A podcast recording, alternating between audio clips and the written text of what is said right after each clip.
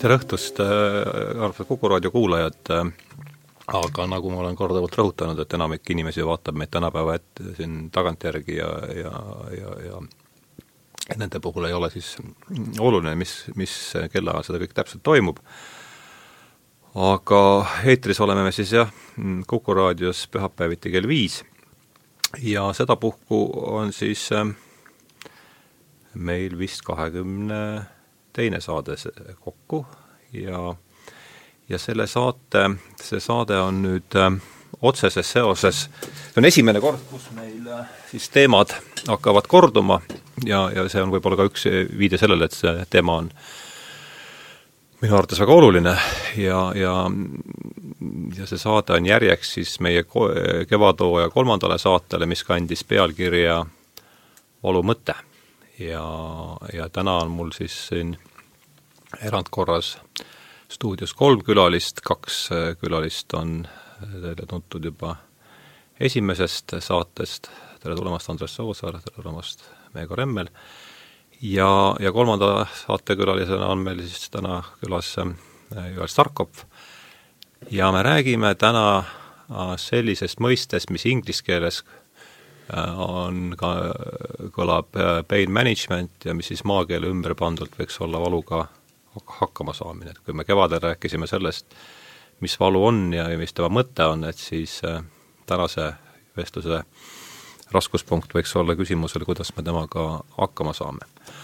aga enne, kui me nüüd selle teema juurde asume, oleks kena, siis ma küll juba nimeliselt tutvustasin, kes meil siin täna külas on, aga aga võib-olla teeme veel esi-, siis sellise äh, tutvustusringi peale ja kuivõrd ma olen nii palju vigu teinud siin kevadhooajal nende inimeste tutvustam-, inimeste tutvustamisel, siis ma äh, riski minimeerimise äh, eesmärgil olen selle raske ülesande all hankinud külalistele endale, et, et ole hea, aga ma Andres Pehte sinust, et ütle paar sõna enda kohta. jaa, tere, Andres Oosaar on mu nimi ja ameti poolest olen Tartu Ülikooli akadeemiline sekretär, aga, aga et sellesse saatesse ilmselt olen sattunud sellepärast, et äh, mitukümmend aastat äh, olen töötanud füsioloogia instituudis õppejõuna, teadustööd teinud ja kahe tuhandendatel aastatel ka meditsiinifilosoofiaga ja meditsiinieetikaga üsna palju tegelenud ja ja valuteema on ühelt poolt hästi konkreetne, aga samas ka selline hästi fundamentaalne ja, ja üldine, filosoofiline võiks isegi öelda, et need on asjaolud, miks ma olen saates.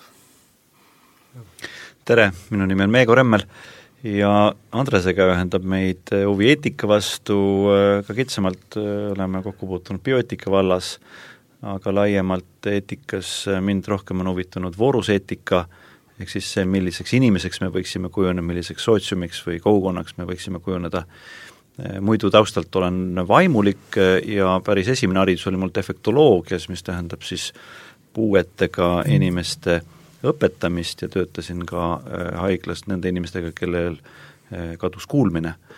ja, ja seal oli rohkem võib-olla hingevalu ja psühhotrauma teemad ja vaimulikuna olen päris palju ka sellise hingevalu ja hingehoiuga äh, tegelenud, nii et äh, minu vaatekoht võib-olla tuleb rohkem sealtpoolt. tere, mina olen Joel Starkov, mina olen Tartu Ülikooli anestoloogia intensiivravi professor, olen ka praktiseeriv arst Tartu Ülikooli Kliinikumis, vastava kliiniku juhataja, igapäevast arstitööd teen intensiivraviarstina, valuga seobki mind minu eriala, anestesioloogia on õpetus valutustamisest või anesteesia on tundetus tegelikult. valutustamine on analgeesia, aga, aga meie igapäevatöös me selle küsimusega risti ja põiki kokku puutume just praktilises vaates, praktilises lähenemises, kuidas valu leevendada, kuidas see ära võtta. ilmselt see on põhjus, miks ma saates olen tõenäoliselt küll, jah.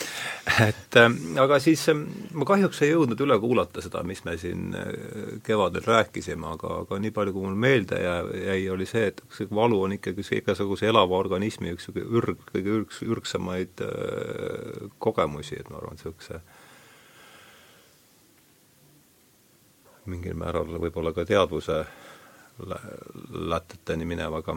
aga et võib-olla hakkakski sellest pihta, et kui me täna leppisime siis kokku sellest, et me räägime, mm, kuidas me valuga hakkama saame, et raskuspunkt läheb sinna, aga ma arvan, et mm, ka oleks hea lähtepunktina uuesti üle käia, et kuidas me, kui me ütleme, kuuleme sõna valu, et ma soovin, et kõigepealt igas, esi-, esmaringis igaüks teist niimoodi võtaks natuke, paar minutit aega ja ja ütleks, mida tema selle mõiste all määratleks enda jaoks, enda jaoks ja teiste jaoks selle mõiste, et siis saaksime sealt edasi minna. hakkame siis siit, hakkame seda, seda ringi pidi nagu et ma võtaksin siin võib-olla need kaks rolli, mis mul siin senises elukogemuses on olnud, et kõigepealt see selline füsioloogi vaade, et äh, valusüsteem, valumeel, see on üks organismi sensoorsetest süsteemidest ja nii nagu nii nagu sensoorsed süsteemid äh, üldisemalt, äh, nende ülesanne on informatsiooni äh, organismile anda ja, ja, ja, ja pakkuda. ja valuga on, on täpselt samamoodi, et, et valu äh, nagu ütleme, see lõpptulemus on, võib kahte moodi olla, et see võib olla valutunne, see on selline teadvustatud äh, nähtus, selline meele, meelenähtus, meeleseisund äh,, või aisting äh, teiselt poolt äh, valumeel äh, produtseerib ka motoorseid reaktsioone, terve rida reflekse, selliseid mm. automaatseid vastuseid organismi, organismi käi-, organismis käivitatakse just valusüsteemi vahendusel. et, et see on kindlasti üks selline informatsiooni, kui väga üldiselt rääkida, informatsiooni saamise ja selline konverteerimise süsteem, et inimene keskkonnas paremini toime tuleks, et kui nüüd eetika vaatepunktist vaadata, siis eh, noh, täitsa selge, et eh, valu on üks selline nähtus, mis on meditsiini ja arstimise tuumaks. et, eh, et valu on ju üks nendest põhilistest asjadest, mis inimesi paneb üldse meditsiini poole pöörduma, et abi, abi otsima.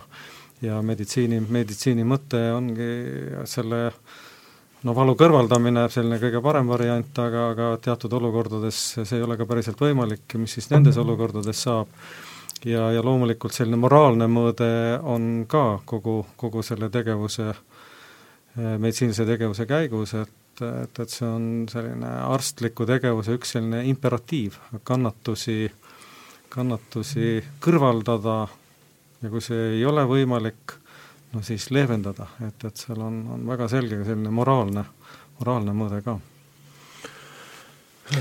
Meego, sa oled just selle moraalse mõõtmega tõenäoliselt ma alustaks võib-olla hoopis kujundiga või kujundlooga, mis oli valus lugu tegelikult minu jaoks, et ma sain oma esimese auto, kui oli veel Nõukogude ajastu ja tõin Soomest vana kasutatud lada ja siis ühel noh, mõni nädal võib-olla läks ja siis ma sõitsin selle autoga talvisel ajal Ehm, mööda Tallinna linna korraga läks üks äh, tulukene põlema seal armatuuris ja ma ei teadnud, mis tulukene see on, autot ei tunne midagi ja siis äh, vaatasin, et kui gaasi vajutada, et siis tuluke kustub ära. ja noh, siis jõudsin sinna oma sihtkohta kohale äh, ja, ja siis ta hakkas ikka üha rohkem plärisema, see auto, kuni ta enam nagu see tulukene ära ei kustunud ja ja selgus, et tegelikult oli kogu õli välja jooksnud mootorist, mootor oli kokku jooksnud ja mulle öeldi, et noh, vaata, aga selle lambikesega pead kohe tee äärde jätma auto. et see ei ole nii, nagu on, ma ei tea, klaasipesu vedeliku lambikene, mis hakkab tööle sulle. ja, ja see oli valus õppetund, sellepärast et tuli kogu mootor lahti võtta ja, ja kogu asi ära vahetada, eks ole et eh, ma, ma arvan, et valu ongi niisugune nagu märgisüsteem ikkagi, ta annab meile informatsiooni, nagu Andres ütles, ta on signaal, ta on sõnumitooja ja äh, eks äh, kui auto juurde tagasi tulla, vahel võib olla ka tõepoolest, et mõni lambikene hakkab lihtsalt sellepärast tööle, et äh, midagi süsteemis on viga. aga, aga see ongi võib-olla nüüd minu vestluspartnerite pädevusküsimus, et kuidas seda ära selgitada või välja selgitada, millest see valu nüüd tuleneb ja, ja kas ja kuidas on võimalik seda kõrvaldada või kas on väga tõsine lambikene, mis põleb, või see on niisugune väike ja mööduv nähtus. aitäh! Väga huvitav kuulata kolleege. sa sissejuhatuseks esitasid kohe väga keerulise küsimuse. mina ei oska valu defineerida valu on valu. valu on valu, aga, aga tegelikkuses ütleme, praktilise, praktilise arstimise äh, vaatenurgast valu on oluline äh, signaal, nii-öelda sensoorne signaal, mida patsient tunneb e, e, esitab ja kaebab ja mei-, arstide jaoks on oluline selle valu põhjuse leidmine ja võimalusel kõrvaldamine. mitte valu kui sellise ravimine, aga just nimelt selle põhjuse leidmine. noh, näitlikustades, et kui inimene kaebab tugevat rindkere valu, see on märk näiteks väga tõsisest südameinfarktist ja inimene hukkub mitte sellepärast, et tal on väga tugev valu, vaid sellepärast, et ta süda enam ei pumpa. täpselt sama näide ju tegelikult. ja nõndaviisi see valu on praktilises meditsiinis ikkagi selge eh, niisugune ohusignaal, teistpidi see on see, mis inimesi paneb arstide poole pöörduma ja me igapäevaselt eh, sellega tegeleme ja seal on mit-, hästi mitu dimensiooni, et üks on, kuidas valuga saab hakkama konkreetne patsient, kuidas sina saad oma lähedase valuga hakkama ja siis kuidas me süsteemis valuga hakkama saame, hästi palju mõõtmeid. ja siis on see hingevalu, mida me sugugi mitte alati ei oska hästi tajuda või inimesi hingevalus nii hästi aidata, siis me pöördume Meego ja sinu kolleegide poole aga see on kindlasti olemas. ja võib-olla sinna juurde veel siis see remark, et meie jaoks on oluline aru saada, et valu on individuaalne, igal inimesel on valu just nimelt selline, nagu ta ütleb, et, et see ei ole nagu nii, et et sul oli väike operatsioon, et kuidas sul nii tugevasti valutab. temal valutabki nii, nagu temal valutab. ja teisel vastupidi et, et seda me peame arstidena alati eh, arvesse võtma või aktsepteerima, valu individuaalsust.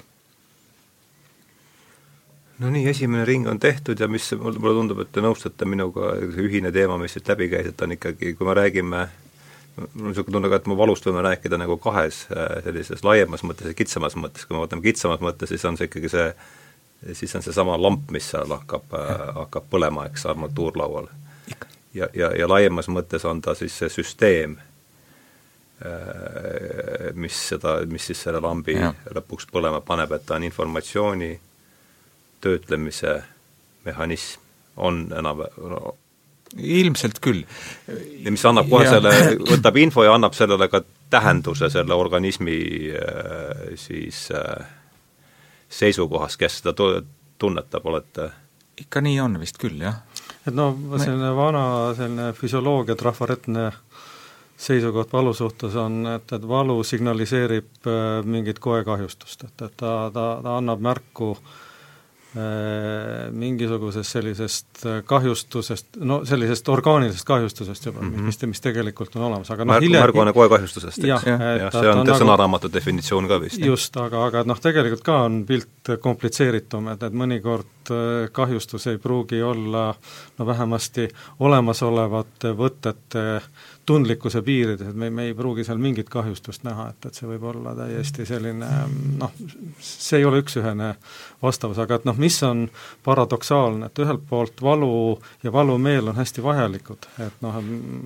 ilma, ilma valumeeleta inimene tegelikult kohaneks oluliselt halvemini selle keskkonnaga, kus, kus, kus ta elab. ta ei saaks infot, eks. ja, ja, ja teine asi on see, et Äh, see informatsioon on arstile ka väga vajalik, et, et äh, arst äh, valu pealt saab väga väärtuslikku informatsiooni patsiendi seisundi kohta, et ühelt poolt noh, see olukord, et kaotame valu ära, see ei ole lahendus, et, et see, see annab tegelikult halvema situatsiooni, kui, kui see valu on olemas, aga ta on meditsiini poolt üsna hästi kontrollitav et, et, et see meditsiini jaoks võib-olla selline unelmsituatsioon oleks, et äh, valukontroll võiks olla selline mm, paremini arsti soovidele ja tahtele alluv.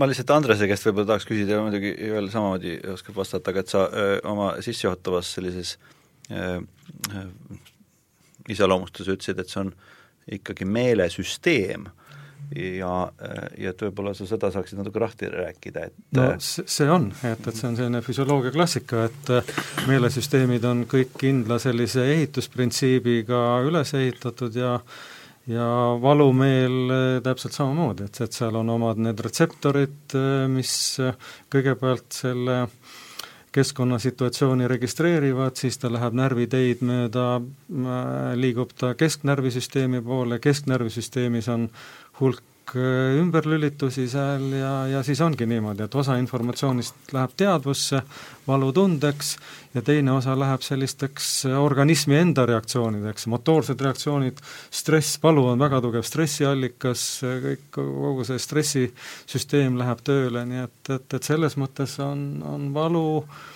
noh, vastab kõikidele nendele sensoorse süsteemi või, või meelesüsteemi tunnustele. Valu on lahutamatu osa elamisest. ilma selleta see süsteem jah, ei toimiks kuidagi Äh, Andresel oli minu arvates hea lause, äh, valu on signaal koekahjustusest. teine küsimus on, kuidas me olemasolevate uurimis- ja jälgimismeetoditega seda konkreetset koekahjustust suudame kindlaks teha, objektiviseerida, aga see on üks niisugune nurgakivi küll. ja noh, see on vajalik organismi toimetamiseks no mulle, kuidas nii palju, kui mul oli aega selle saate üle mõelda, et mulle tundub, see valu on mingis mõttes, selles mõttes nagu justkui ka meie selle praeguse kuidas ma ütleksin, filosoofilise maailmanägemise nurgakivi, et kui me läheme niisugune teadusliku maailmanägemise juurte juurde, ütleme, Descartes, kui ta seitsmeteistkümnenda sajandi alguses lööb selle kaheks, et on mateeria ja siis hing ja sellega võimaldab meil seda teadmise, teaduslikku maailma nägemist, et igasugune, parandage mind, kui ma olen valest, asjast aru saanud, aga et nii palju, kui mina aru saan, on teadusliku maailmavaate või teadusliku nägemise aluseks on, me suudame asjad objektiviseerida. et me, kui me midagi vaatame, siis kogu see meetod on välja ehitatud selleks, et sina ja, ja teine inimene teises aegruumi punktis näeksid täpselt sama asja, et see subjekt sealt välja võtta, aga, aga valus kummatigi tuleb see subjekt sinna siis ju jällegi tagasi, eks, eks.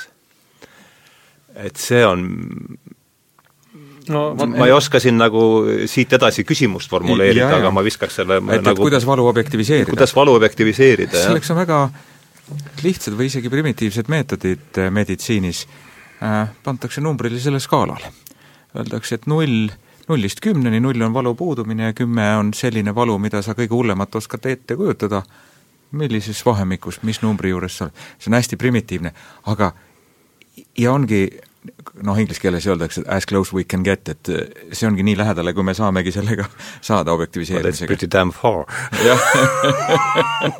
ja, ja meie noh, mul on siin kaasas üks ägeda valuravi juhend baseerub suuresti sellel numbrilise skaala väärtustel, et inimene ütleb, kus ta seal positsioonis asub, meie ravitegevuse eesmärk on hoida skoor all, alla kolme, kui skoor on patsiendil üle kolme, siis me teeme valuvaigistis, see on hästi primitiivne vahelepõige siin või, või, või seletus.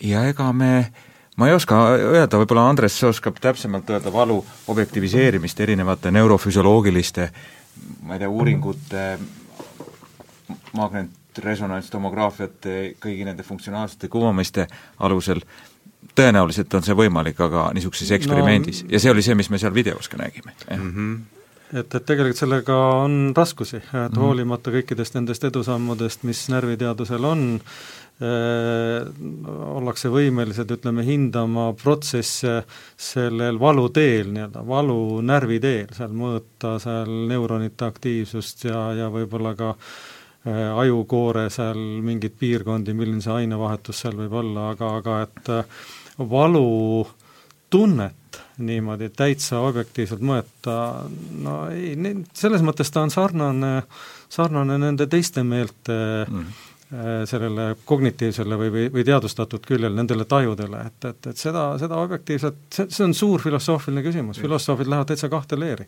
et äh, kas sellega üldse annab midagi peale hakata või, või, või ei anna, Descartes kuulus nende hulka, kes ütles, et ei, ei anna. et, et nad on, nad on eraldi maailmad, res cogitans ja res extensa, et ühed on füüsilised asjad, teised on vaimsed asjad. Descartesi puhul on muide see ka väga huvitav. ja valu justkui kuulub sinna nende lõike, natuke äh, lõike no, kohale või?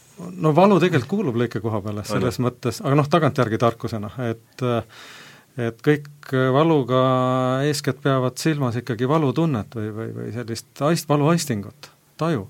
Aga, aga et valu, no nii nagu enne jutuks oli juba, et valul on tegelikult selliseid füsioloogilisi reaktsioone, sellel süsteemil on füsioloogilisi reaktsioone veel mitmeid teisi, see on tugevasti alarmeeriv organ-, organismi alarmeeriv süsteem ja looduslik mõte on väga selge. Organism on ohuolukorras, ta peab oma ressursi, oma võimekuse kokku võtma, et, et selles ohuolukorras äh, parimal võimalikul moel toimetada, et see on hästi eksistentsiaalne. aga see, mis ma Descartesi kohta tahtsin öelda, et Descartes oli arusaamisel, et teadvus on ainult inimestel. ja, ja see paratamatult tõi kaasa siis selle, et näiteks loomadel valu ei ole ja valutunnet ja, ja see oli muide üks õigustus, miks äh, loomadega võis sajandeid teha ka igasuguseid asju, mis praegu on ettekujutamatud yeah.. sest praegu ollakse üldiselt arusaamal, et loomad tunnevad valu, neil on teadus olemas. et, et Descartesi seisukohad on mitmes mõttes hästi, hästi mõjukad olnud ma tooks ühe teise filosoofi veel siia sisse ja võimalik, et sellest oli juttu ka esimeses saates, aga võib-olla siia diskussiooni praegu sobib, et Wittgenstein äh, Ehm, kes ühes üllitises vähemalt ütleb, et lisaks kõigele sellele, mida me nagu juba oleme kuulnud ja rääkinud, on valul veel niisugune nagu sotsiaalne dimensioon ka. Et ainult tänu sellele, et, et teine inimene ütleb, mul on valus, ma saan aru lõpuks, et ta on teine inimene, et ta ei ole mina. ja mul tekib temaga mingisugune side, mis on sotsiaalne, mis on isegi empaatne, mis tekitab tegelikult ühiskonna ja võib-olla see on liiga traagiline lähenemine nagu sellele, aga noh, kui me vaatame kas või meditsiini või meedikud minu kõrval ka siin istumas, siis tegelikult see ongi see, et me hakkame hoolima ja, ehm, ja noh, isegi see sõna hoolima, eks ole, eh, vana eh, keelend selle kohta oli halastama, tuleb ju siis vanast ehm, keelendist hala, et kui keegi halab, et siis kui keegi vastab sellele halale, siis see on halastama. ja, ja see on sotsiaalne aspekt ja ma arvan, et seal on väga oluline nagu moment selle juures, et et kui me isegi näeme loomariigis sellele valu, valule reageerimist, et kui palju enam eh, me oleme inimesed just tänu sellele, et meil on valu ja me tunneme kaasa ja me suudame aidata. et ma tahaks Meegole tegelikult sekundeerida, see hoolivus on hästi oluline, et äh, ega ju suure hulga valuga seotud asjadega meditsiini äh, vaatevälja ju ei jõutagi, me kasvame üles ju äh, ja, ja õpime läbi valu, et valu on tegelikult selline pedagoogika teema ka ja ütleme, seda hoolivust võtta, valu paneb meist ka iseenda, iseendast hoolima, et, et valu, valul on selline, selles mõttes tõesti selline väga omapärane hoolivust genereeriv äh, võime. Jaa, jääb Meeguga nõustuda, et see on päris huvitav aspekt, ma ei ole ise niimoodi sellele mõelnud või lugenud, aga raske vastu vaielda, et täiesti nõus selle sinu vaatega. just see hoolivus tänu valule või valu on nii sage pöördumine ka arstide poole ja sealt tuleb see eh, noh, empaatia ja, ja aitamine ja, ja, ja abistamine. ja noh, kui ma ütlen ka see tumedam, see kurjuse pool on minu meelest ka otseselt ju valuga seotud, et kui me teame, mis meile haiget teeb, siis me teame, mis äh, teeb teistele haiget ja, ja see, seda me arutasime kevadises saates, et, et piinamine ja piinade tekitamine, et äh, valumeel on ka seal osaline. mul on üks huvitav mõte või üks ühte sorti valu, mis ei ole ohumärk, aga et miks ta siis ikka olema peab, oleks huvitav, Andres, sinu vaatenurka kuulda, sünnitusvalu. sünnitus on hiiglama valus vähemalt kõrvalt vaadates. Ja, ja me arstidena ka tegeleme muuhulgas sünnitusvalu leevendamisega, kohati äravõtmisega. omaette filosoofiline küsimus, kas see on õige või vale tegu. ja, ja maailmas on erinevaid koolkondi ja on erinevad sünnituse noh, valutustamise või mittevalutustamise vaatenurki. Äh, no Andres, kuidas sa sünnitusvalu kommenteerid? Mm, see on väljakutse sellele sellise standardkäsitlusele kindlasti, aga noh, küllap ta märk sellest on, et, et selle protsessi käigus äh, organismi võimalused on ka piiripealsed ja, ja mingid vigastused ja koekahjustused äh, seal juhtuvad ja ja, ja sellest ta märku annab, et, et see ei ole päris äh, kuidas öelda, päris ilma äh, ohvriteta läinud org-, ema enda poolt, kes, kes, kes siis sünnitab. et, et laps, lapse vastsündinu valu kohta keeruline midagi öelda, see on muidugi hästi põnev küsimus, et palju palju tema tunneb, kuidas tema läbi elab seda, seda retke ema, ema üsast siia ilma, et see on hästi põnev küsimus ma muidugi noh, olemata üldse selle ala inimene, julgen nagu lihtsalt isana ja, ja siis oma abikaasa kõrval olnud inimesena öelda, et võib-olla noh, seal algab ikkagi see loojatarkus ka sellest, et et see valu noh, märku, nüüd on see sünnitusaeg kätte jõudnud. ja mida suuremaks ta tuleb, seda rohkem see ema peab mobiliseerima ennast selleks pingutuseks, eks ole, noh, psühhanalüütikud mm. ütlevad veel, et kõik, mis selle lapse iseloomu ja kaasas käib, aga aga olles ise olnud oma lapse sünni juures, ja hoian naise käest kinni ja ta pigistab mulle küüntega minu pöidla ja nimetissõrme vahele, sest tal on nii valus. aga ta pigistab mind.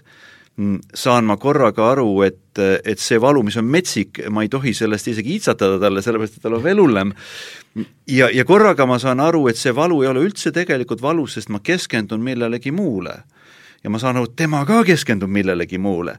ja lõpuks, eks ole, kui see suur äh, oksüdotsiini plahvatus talle loob selle tunde, et nüüd ongi tema laps tema rinnal ja ja me oleme õnnelikud, Jeesus ütles selle kohta enne oma surma väga huvitavalt, et et naine, kes läheb sünnitusele, tunneb metsikut hirmu ja ängi ja nii edasi, aga kui laps on kätte saadud, siis ta enam üldse ei mõtle sellele, et ta on saanud nagu selle empaatse ja armastuse kogemuse, ma olen mõelnud, et kas see ongi äkki üks väga oluline aspekt nagu selleks ema armastuse ja selle noh, nagu inglise keeles attachment, see, see niisugune kokkukuuluvuse tunde äh, loomise äh, moment. ja noh, ma ei tea, sorry, aga ma lähen veel nagu sellele, et et kui mees ja naine armastavad ja nendel on elu esimene seksuaalvahekord, seal on verejooksu, seal on ka valu, aga mitte keegi lõpuks ei ütle, et see oli, see oli negatiivne, vaid see oli ühendav ja see oli kogu eluks nagu mingisuguse alguse loomine, et et noh, siit võib väga palju asju mõelda, aga aga äkki see ei olegi nii kohutav ja nii, nii halb asi?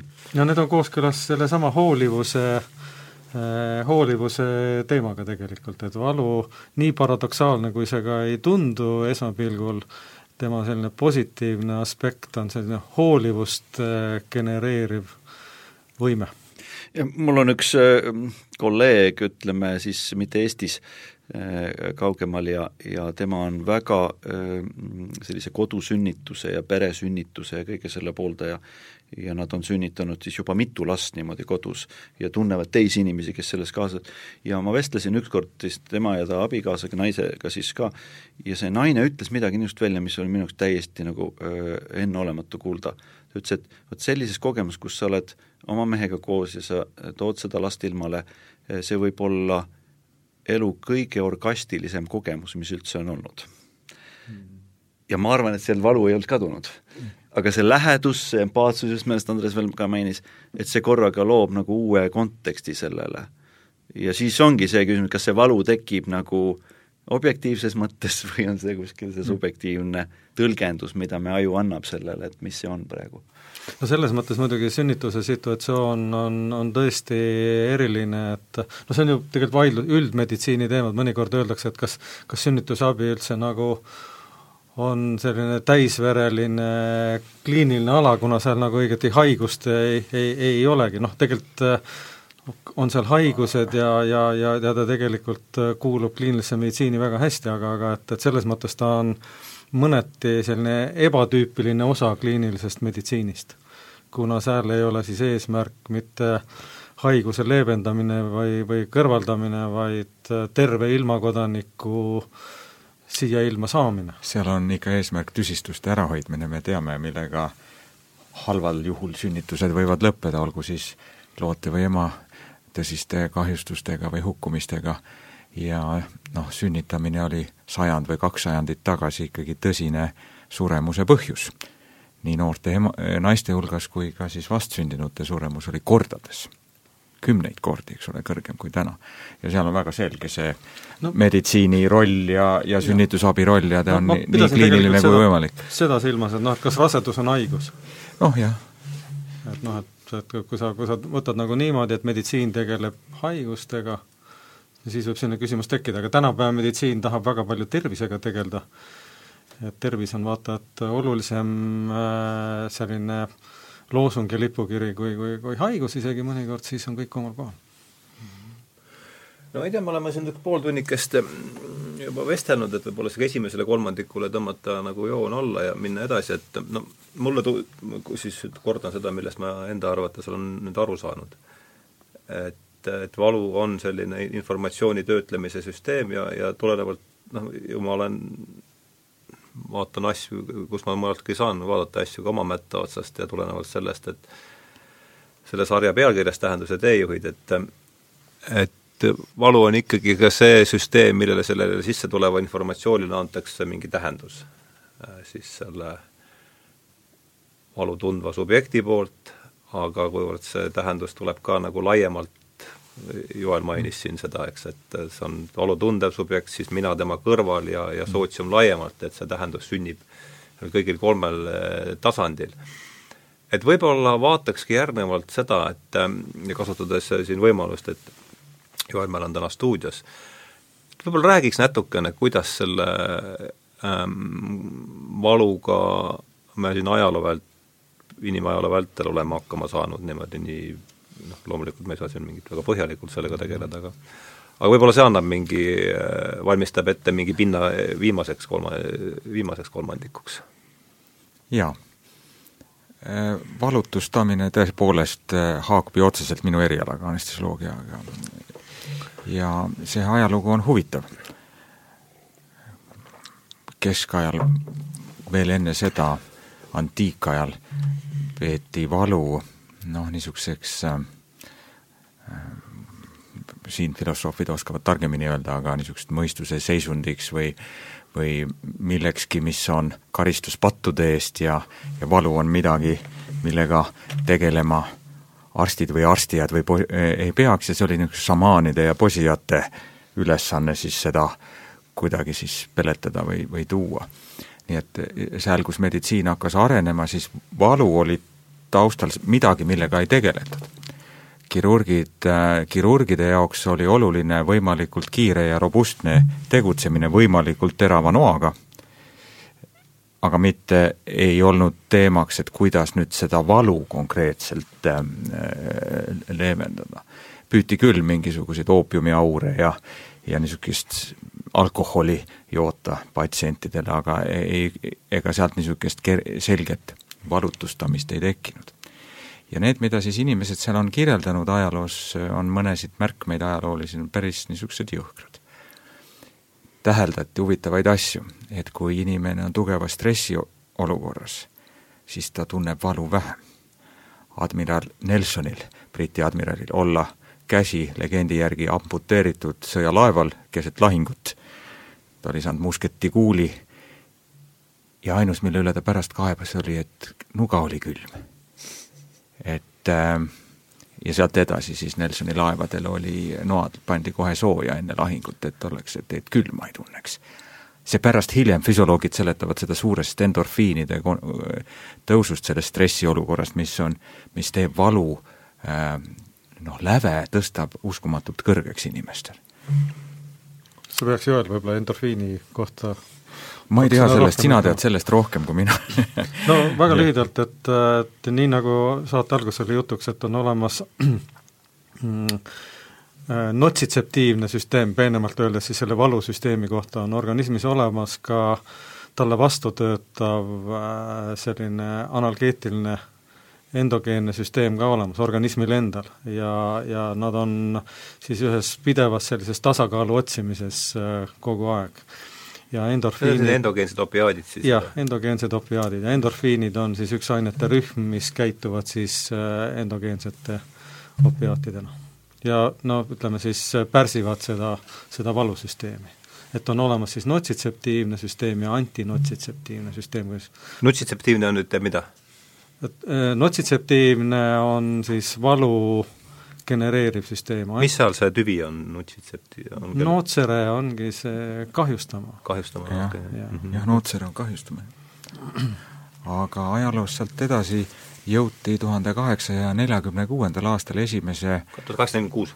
tuhat kaheksasada nelikümmend kuus esimene anest-, õnnestunud anesteesia, noh niisugune avalik demonstratsioon ja see oli eeteranesteesia, mille tegi üks Ameerika hambaarst, hambaarst-kirurg oli ta äh,, William Morton, kes näitas Bostonis, kuidas pani eetriga inimese magama ja opereeris märkimisväärselt suure kasvaja kaela peal veresoontega ühendatud kasvaja.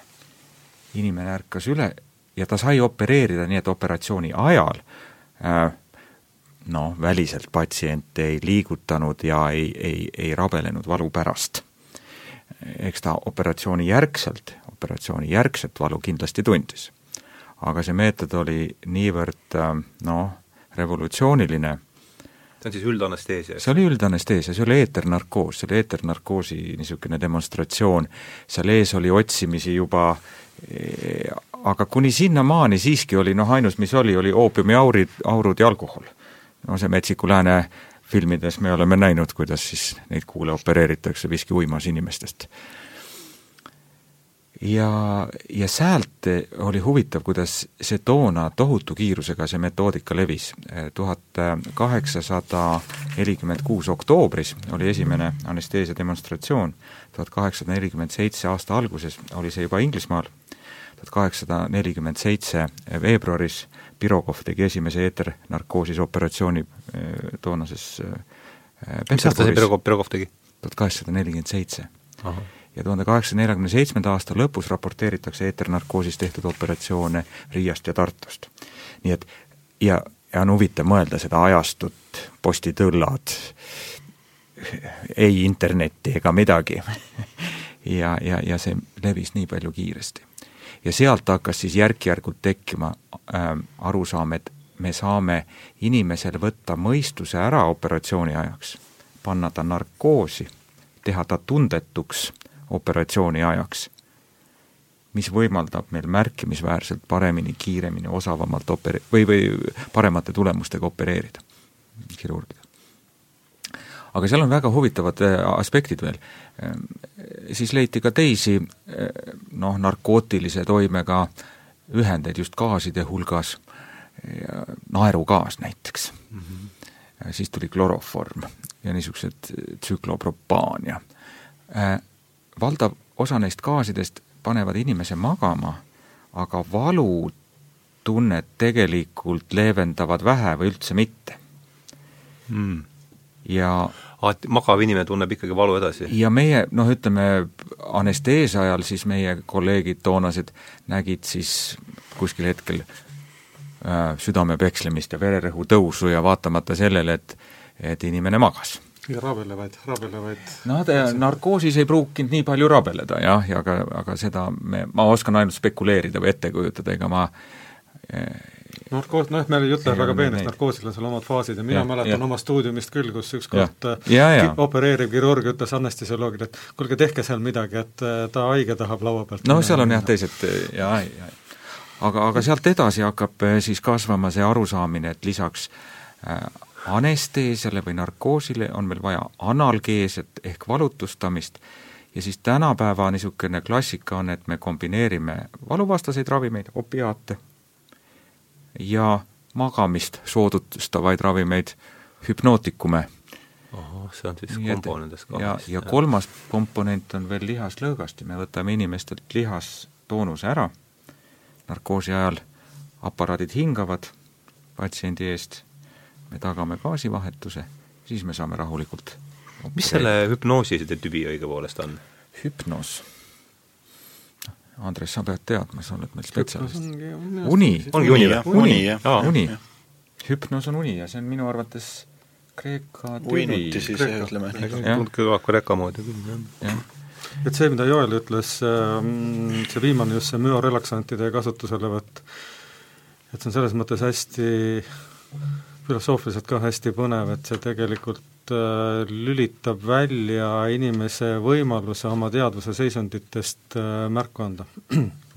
Põhimõtteliselt. aga ja, ja see loob ühes... võtab moto-, motoorika ära jaa, et ja, ja, ja praktiliselt kõik motoorsed reaktsioonid, äh, mis, mis skeletilihastega toimuvad, ajutiselt lülitatakse välja. Ja, ja, ja see võib omakorda teatud täiendavaid selliseid ma ei tea, kas sellest probleem on, aga, aga, aga et selliseid hoolikust nõudvaid protseduure anestesioloogide jaoks, et, et narkoos oleks tõesti äh, igatipidi kvaliteetselt tehtud, et aga siin on veel üks, üks huvitav nüanss. ma võtan lihtsalt kolm asja, siis on und soodustavad, äh, valu maha võtvad ja pluss veel siis lihase tõvestavad asjad. täpselt nii. mis võtab see motoorik, motoorika ära siis. kolm olu-, olulist komponenti või alustala kaasaegses no, üldanesteesias aga võib-olla ajalooliselt üks huvitav äh, aspekt on, saateks valmistudes ma vaatasin anesteesia õpikutesse ja lugesin, päris huvitav.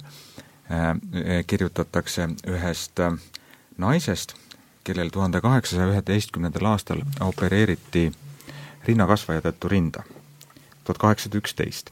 see naine ise oli kirjanik ja siis ta pärast hiljem kirjutas oma kogemustest. see on päris noh, jube ette kujutada, mis siis tehti, et pandi ta voodisse, käed-jalad seoti kinni, ta kirjeldab, kuidas siis nuga tema rinda läks ja kuidas teda opereerida, aga see oli rinnakasvaja. naine elas pärast kakskümmend üheksa aastat pärast selle kasvaja eemaldamist ja see oli tõepoolest elupäästev operatsioon tema jaoks. aga sealt tema just kirjeldab seda tohutut ähm, hirmu või paanikahoogusid, mis tal tekkisid hiljem aast-, aastakümneid ikka ja taas, kui ta sellele kogemusele mõtles. ehk siis see negatiivne, mis sellest operatsioonist päri, pärit oli, mida tehti noh, tegelikult valu tundes, ilma anesteesiata.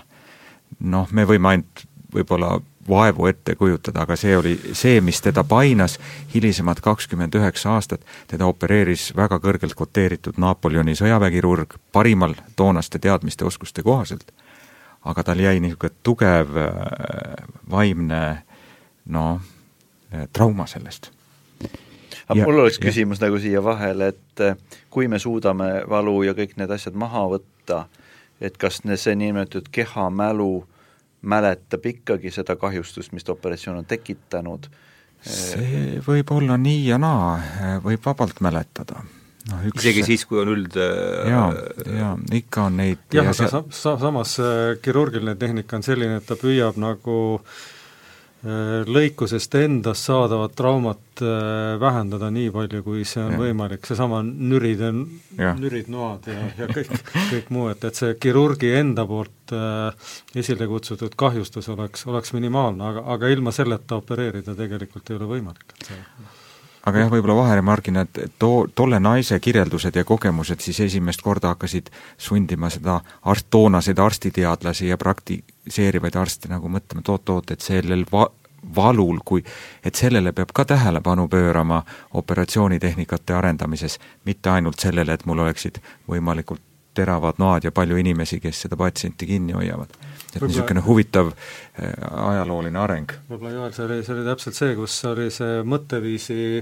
muutus tegelikult nagu aset leidnud, et, et, et tegelikult valu seostub äh, väga tugevasti ka selliste sõnadega nagu Äh, kannatus ja, ja, ja tegelikult äh, ja. Joeli selles äh, varasemalt öeldud tõlgenduses tegelikult ka lunastus, et, et selle valutunde läbi sa, sa lunastasid mingisugused, mingisugused oma olukorrad, et et see Joeli poolt kirjeldatud juhtum kirjeldab seda, kus, kus minu meelest see arusaam leidis oma lõpu jah, ja midagi on vaja teisiti teha. jah, jah, täpselt. ja ma tooks nagu ühe silla tänapäeva nagu selles mõttes, et eks ole, et see suudeti lahendada ära füüsiline probleem, jäi hingevalu ja hingeprobleem, et mis täna juhtub, mu äh, sõbrad või kolleegid, ka psühholoogid, kes noortega tegelevad, ütlevad, et et noor hakkab lõikuma ennast sellepärast, et hingevalu on nii suur ja siis lõikudes, eks ole, ennast, nüüd juba õmmeldes ennast ise ja mida nad kõik teevad mm., tekib see endorfiinide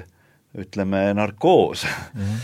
mis, mis võtab ära selle hingevalu, läbi selle füüsilise valu ja, ja see on nagu tagurpidi pööratud mehhanism, mis on tekkinud, aga see on ainukene mehhanism, mida nad omavad siis praegu, et lahendada oma ja. tegelikud hinge, hingeprobleeme. jah, see valu, kannatus ja lunastus, see, see nagu loogiline ahel, see jah, on väga huvitav, see toob selle sotsiaalse mõõtme nagu väga selgelt sisse, aga aga ma mõtlen ikka Joeli juttu kuulates, et oopium on olnud ju meiega kui kaua, et kas oopiumi siis ei võtnud, ei võtnud maha seda? Oopium on olnud sajandeid, kindlasti kasutati teda valuvaigistina, aga oopiumil, oopium ka lisaks teeb inimese uimaseks ja kohati eufooriliseks, siis jälle magavaks ja temast tekib ka sõltuvus lõpuks, nii et tal on ju kõr-, terve rida niisuguseid kõrvalprobleeme.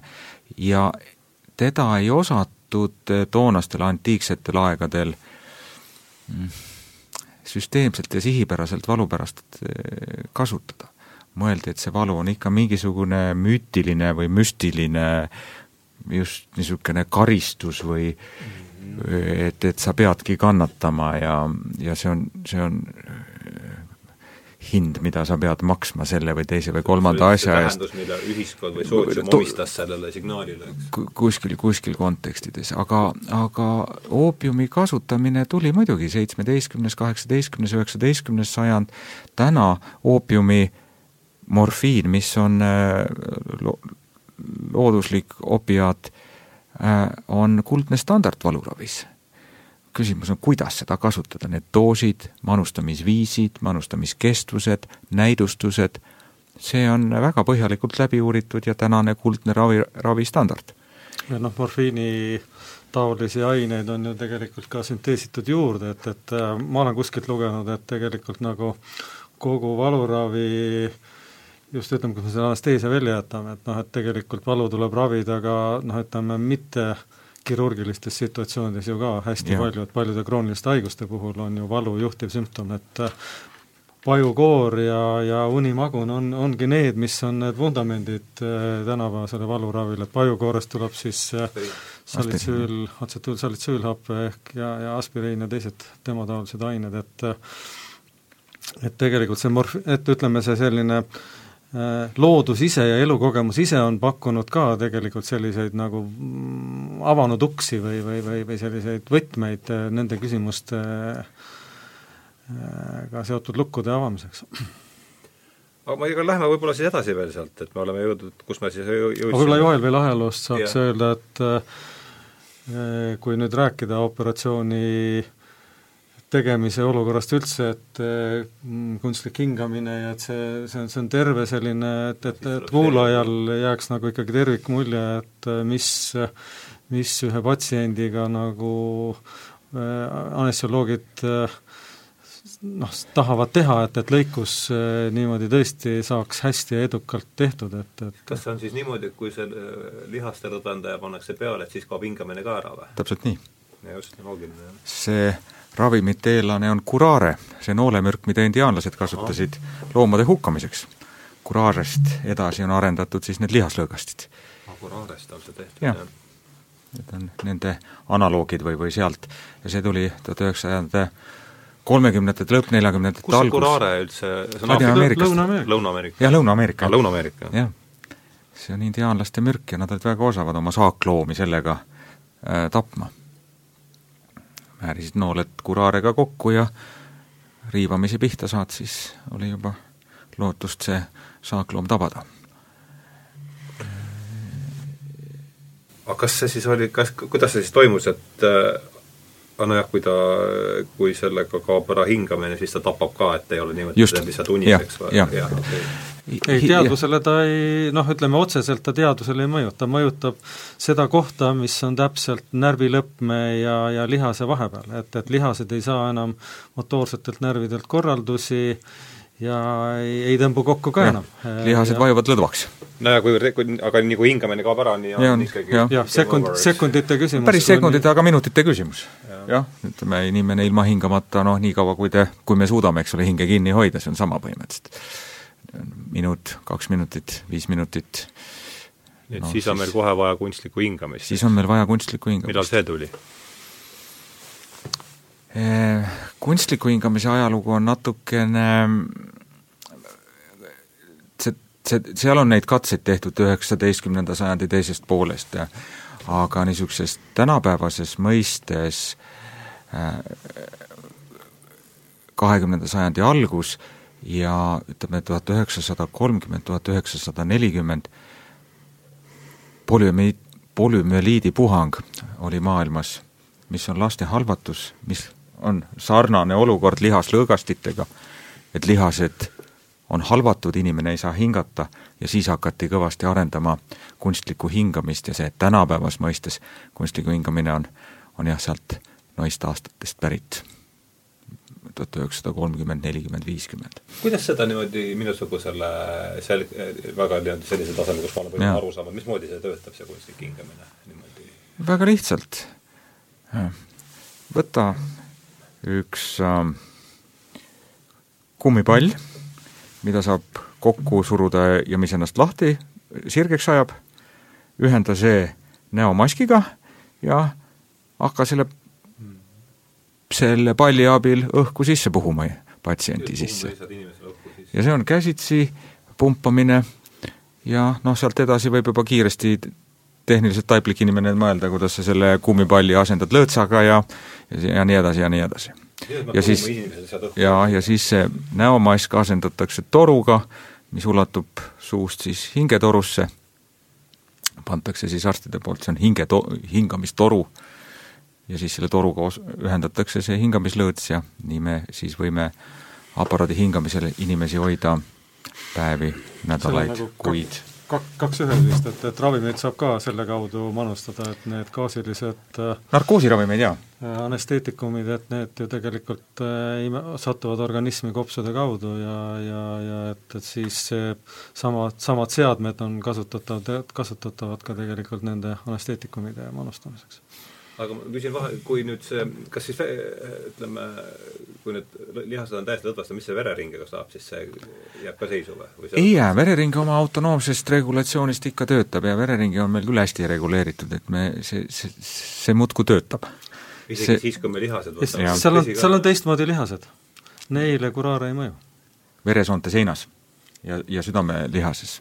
südamelihasele ei ei mõju, ei. väga huvitav, uskumatu nii ta on, jah. väga põnev. et loodus on kuidagi nii sättinud, et see südamelihas on üsna tundetu väliste mõjutuste suhtes. süda peab lööma, olgu mis muuga, kuidas on.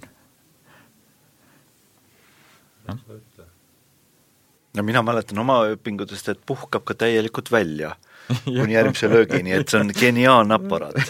et iga kord, kui ta uuesti hakkab lööma, ta on täielikult välja puhanud eelmisest võib-olla seda teemat ei peaks väga palju arendama, aga tõepoolest, see on üks üks, üks põhjus, üks põhjus, miks äh, aeglane südamerütm on eelistatud, et, et see südametsükli pikenemine võimaldabki pikemat puhkeaega ja, ja, ja ka südame paremat täitumist verega, et, et hemodünaamika mõttes, kui pump lööb väga kiiresti, ta ei jõua täituda, ta ei jõua puhata ja, ja tema tõhusus on oluliselt madalam nii iseenda kui ka kogu organismi jaoks.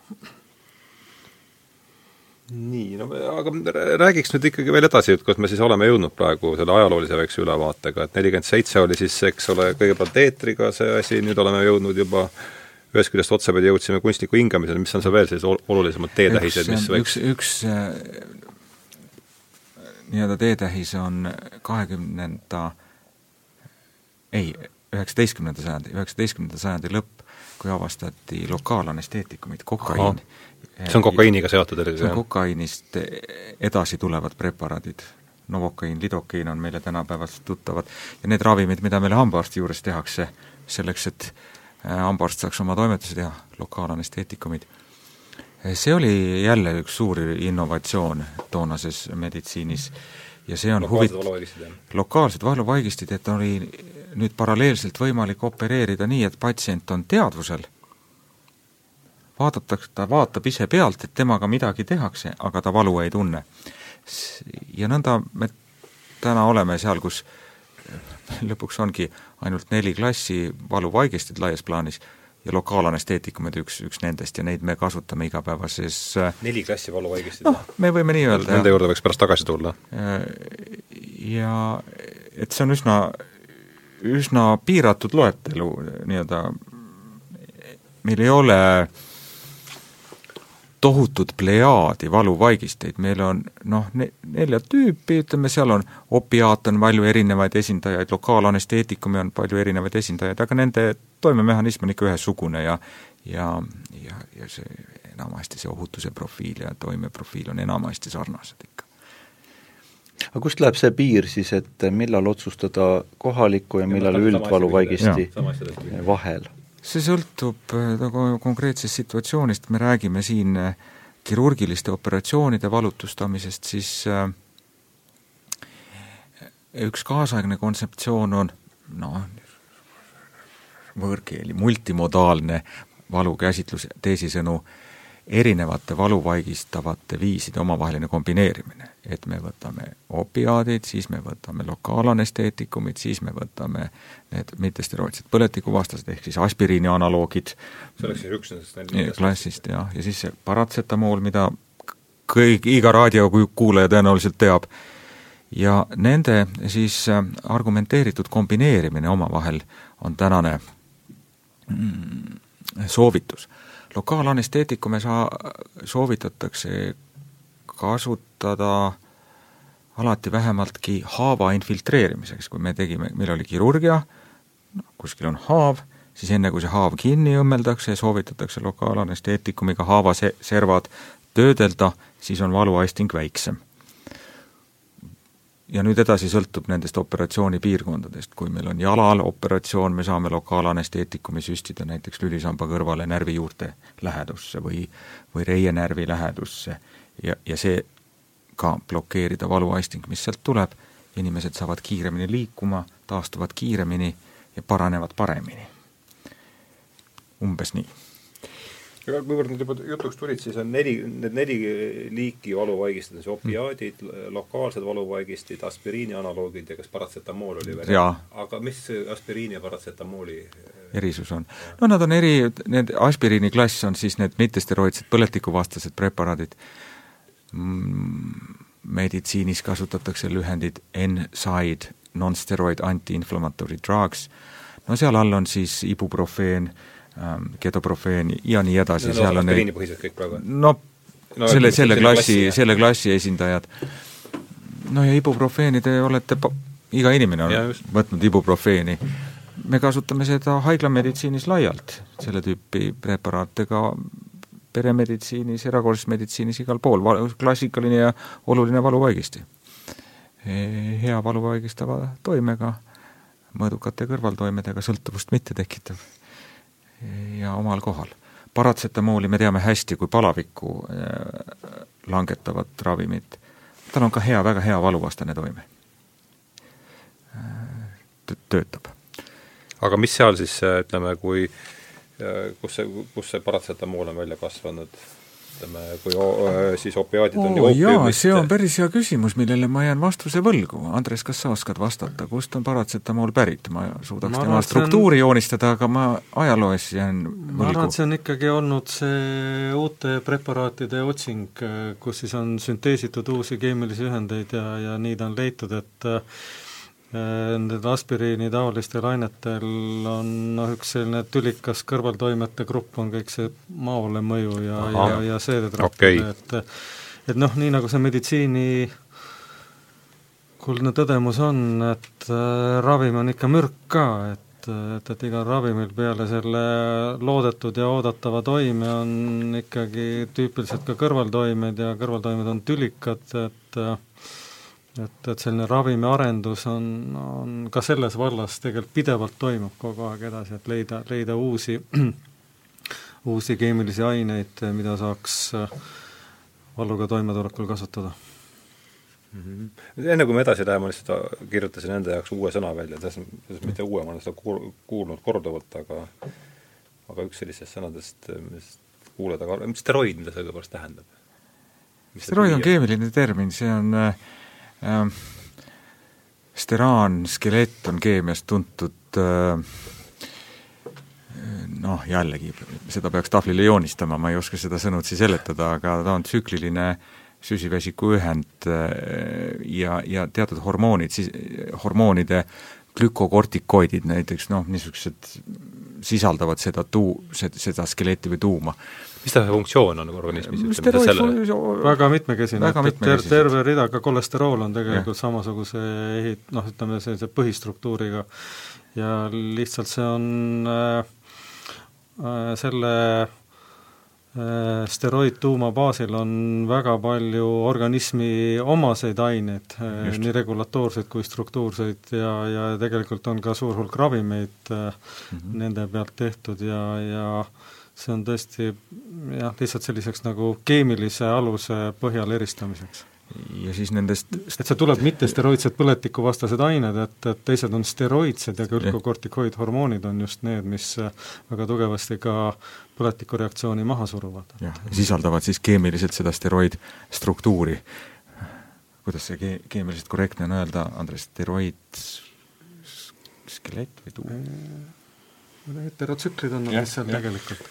et, et tegelikult noh, võib-olla selle kontekstis, et äh, valu on väga sageli siis mm, põletikuga käib kaasas, et ja. põletik on selline tüüpiline patoloogiline protsess, mis on mm -hmm esineb paljude haiguste puhul ja, ja, ja, ja, ja valu on üks äh, põletiku nendest kardinaalset neljast-viiest äh, sümptomist, nii et nii et ja, ja see tegelikult noh, on, me jõuame algusse tagasi, et äh, miks valuga inimene arsti juurde välja jõuab, ongi see, et ta organismis on mingis kohas on üks põletik ja, ja arsti ülesanne, põletik on ka äh, põletik on reaktsioon, eks ole, mingi tegelikult kaitsereaktsioon, kaitsereaktsioon, põletik on kaitsereaktsioon. ülemäärane, ülemäärane põletik ei, ei tule kasuks enam eksistentsile ja, ja et suur osa meditsiini tegeleb tegelikult põletiku mahasurumise ja kõrvaldamisega aga nüüd mul oleks niisugune ettepanek, et järsku me võtaks üks kümmekond minutit veel sellele, minu arust on väga huvitav see ajalooline ülevaade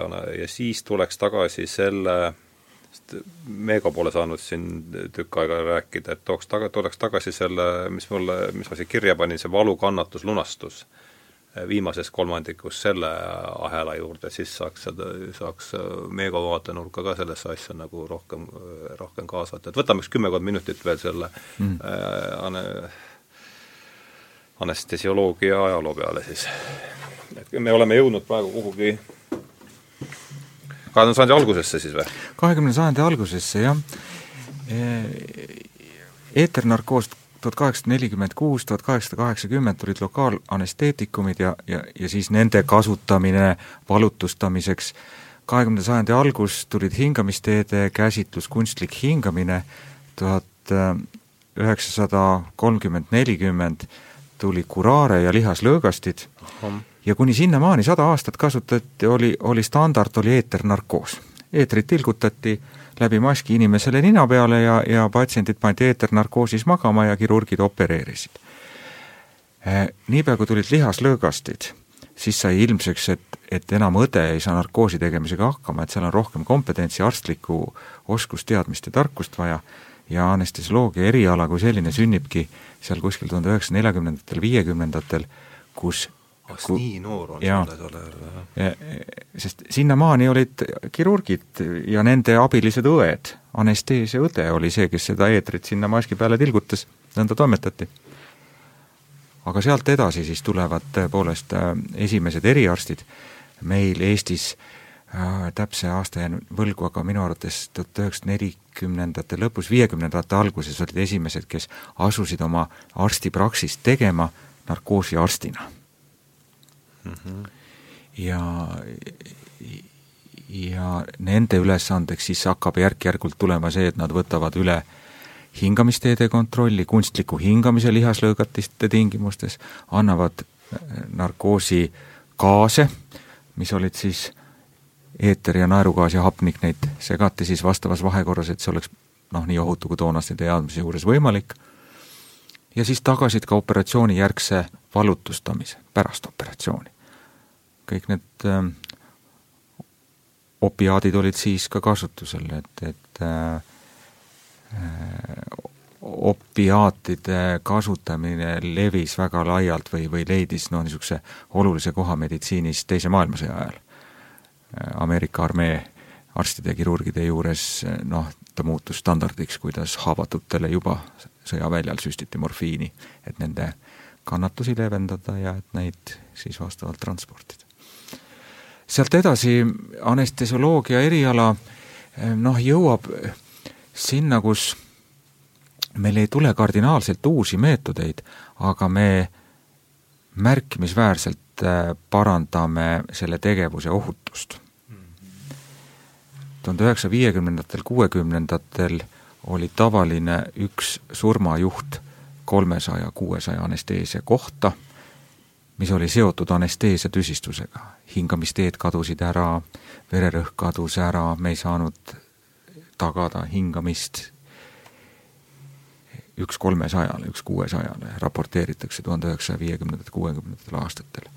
täna me raporteerime üks anesteesiast tingitud surmajuht kahesaja tuhande anesteesia kohta. et see on siis kümme korda paranenud ohutus. Üks kahesajale tuhandele praegu? suurusjärkudes, üks sajale tuhandele, üks kahesaja tuhandele.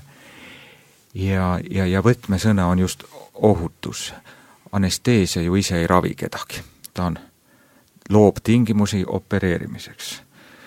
Ehm, kui ühe või teise raviprotseduuriga on üks noh, ütleme surmav tüsistus teinekord noh, vaata et paratamatu, noh, välistamatu, sa ei, verejooks, verekadu, no ei saagi. siis anesteesias justkui ei tohiks olla äh, letaalseid tüsistusi, sest see on abistav, jah mis seal viltu minna saab siis valdavalt? saavad mit-, no. vale ravim vales doosis valel ajal. iga ravim on mürk, nagu Andres väga õigel ajal vahele nimetas. pluss veel siis see, et, et tegelikult nagu on ikkagi üldanesteesia või see üldnarkoos on ikkagi ka väga suur sekkumine see on jõhker sekkumine. organismi eksistentsi ja noh, seal ütleme sellised äh, tehnilised probleemid, need seadmed ei olnud äh, väga töökindlad ja, ja ja võib-olla ka nii täpsed, äh, nagu nad nüüd on arendatud ja et seal on nagu terve rida, terve rida ka selliseid tehnoloogilisi probleeme, et miks, miks seal ikkagi probleeme, probleeme tekkis? no tehnilises varustuses võib ju siis võrdlusmärgi tuua enne teist maailmasõja aegselt olnud lennukitega ja praegus olevate lennukitega ja sama on anesteesiaapparatuur toona ja nüüd. et see on äh, dramaatiliselt teine. kogu see tehnoloogia on operatsioonitoas ja see tehnoloogia on ainult üks ülim eesmärk, tagada võimalikult ohutu patsiendi hoidmine narkoosis. meil oleks võimalikult täpselt ja korrektselt jälgitud füsioloogilised parameetrid, tema hingamine, tema südametöö, äh, me üritame ka teadvuse seisundit jälgida, mis on omaette huvitav äh, ülesanne, äh, ja tagada võimalikult sujuva väljatuleku operatsioonist. no mul lihtsalt kõrvale põikena siit oma elust, ma olen vist Andresele seda kindlasti rääkinud, aga sõitsin siin kakskümmend aastat tagasi, kui olin USA-s, siis sõitsin oma rangluu katki mm ja ma mäletan seda, üks, üks elu vormivamaid kogemusi enne operatsiooni, sa tuled seal ikka niimoodi noh, esimest korda noa alla yeah. närvis ja siis kanüül oli juba veres. ja ma mäletan, kas see oli siis tõenäoliselt anestesioloog oli mul yeah. kõrval. ja noh, tead ikka see oli, taha ka ennast väga jänesena näidata ta räägib ka sellest, olles seda suurelt ajada ise jumala ja siis ta, mäletan, võttis võttis siit selle süstla rinnataskust ja pani, ta isegi ei vaadanud mulle naha peale, vaid pani sinna selle kanüüli sisse. Ja minutiga taju muutust, noh, täiesti, et ma ei ole midagi sellist hiljem ega varem oma elus et, äh, et, kogenud, et, et, et see igasugune pinge kõik kas ta selle opioidi seda... sinna ikka põrutas? tõtt-öelda, tõtt-öelda need on päris mõjuvõimsad vahendid, mis on anestesioloogide käes, ega äh, see, me peame olema hästi korrektsed ja hästi ettevaatlikud ja hästi täpsed seal, aga, aga see on päris mõjuvõimas tegevus, ühe süstla täie ravimiga me võtame inimese taju ja sensooriumi ikka täiesti ära. nii on, aga, aga see, see on see, kuhu see tehnoloogia ja teaduse ja tehnika revolutsioon meid täna toonud on.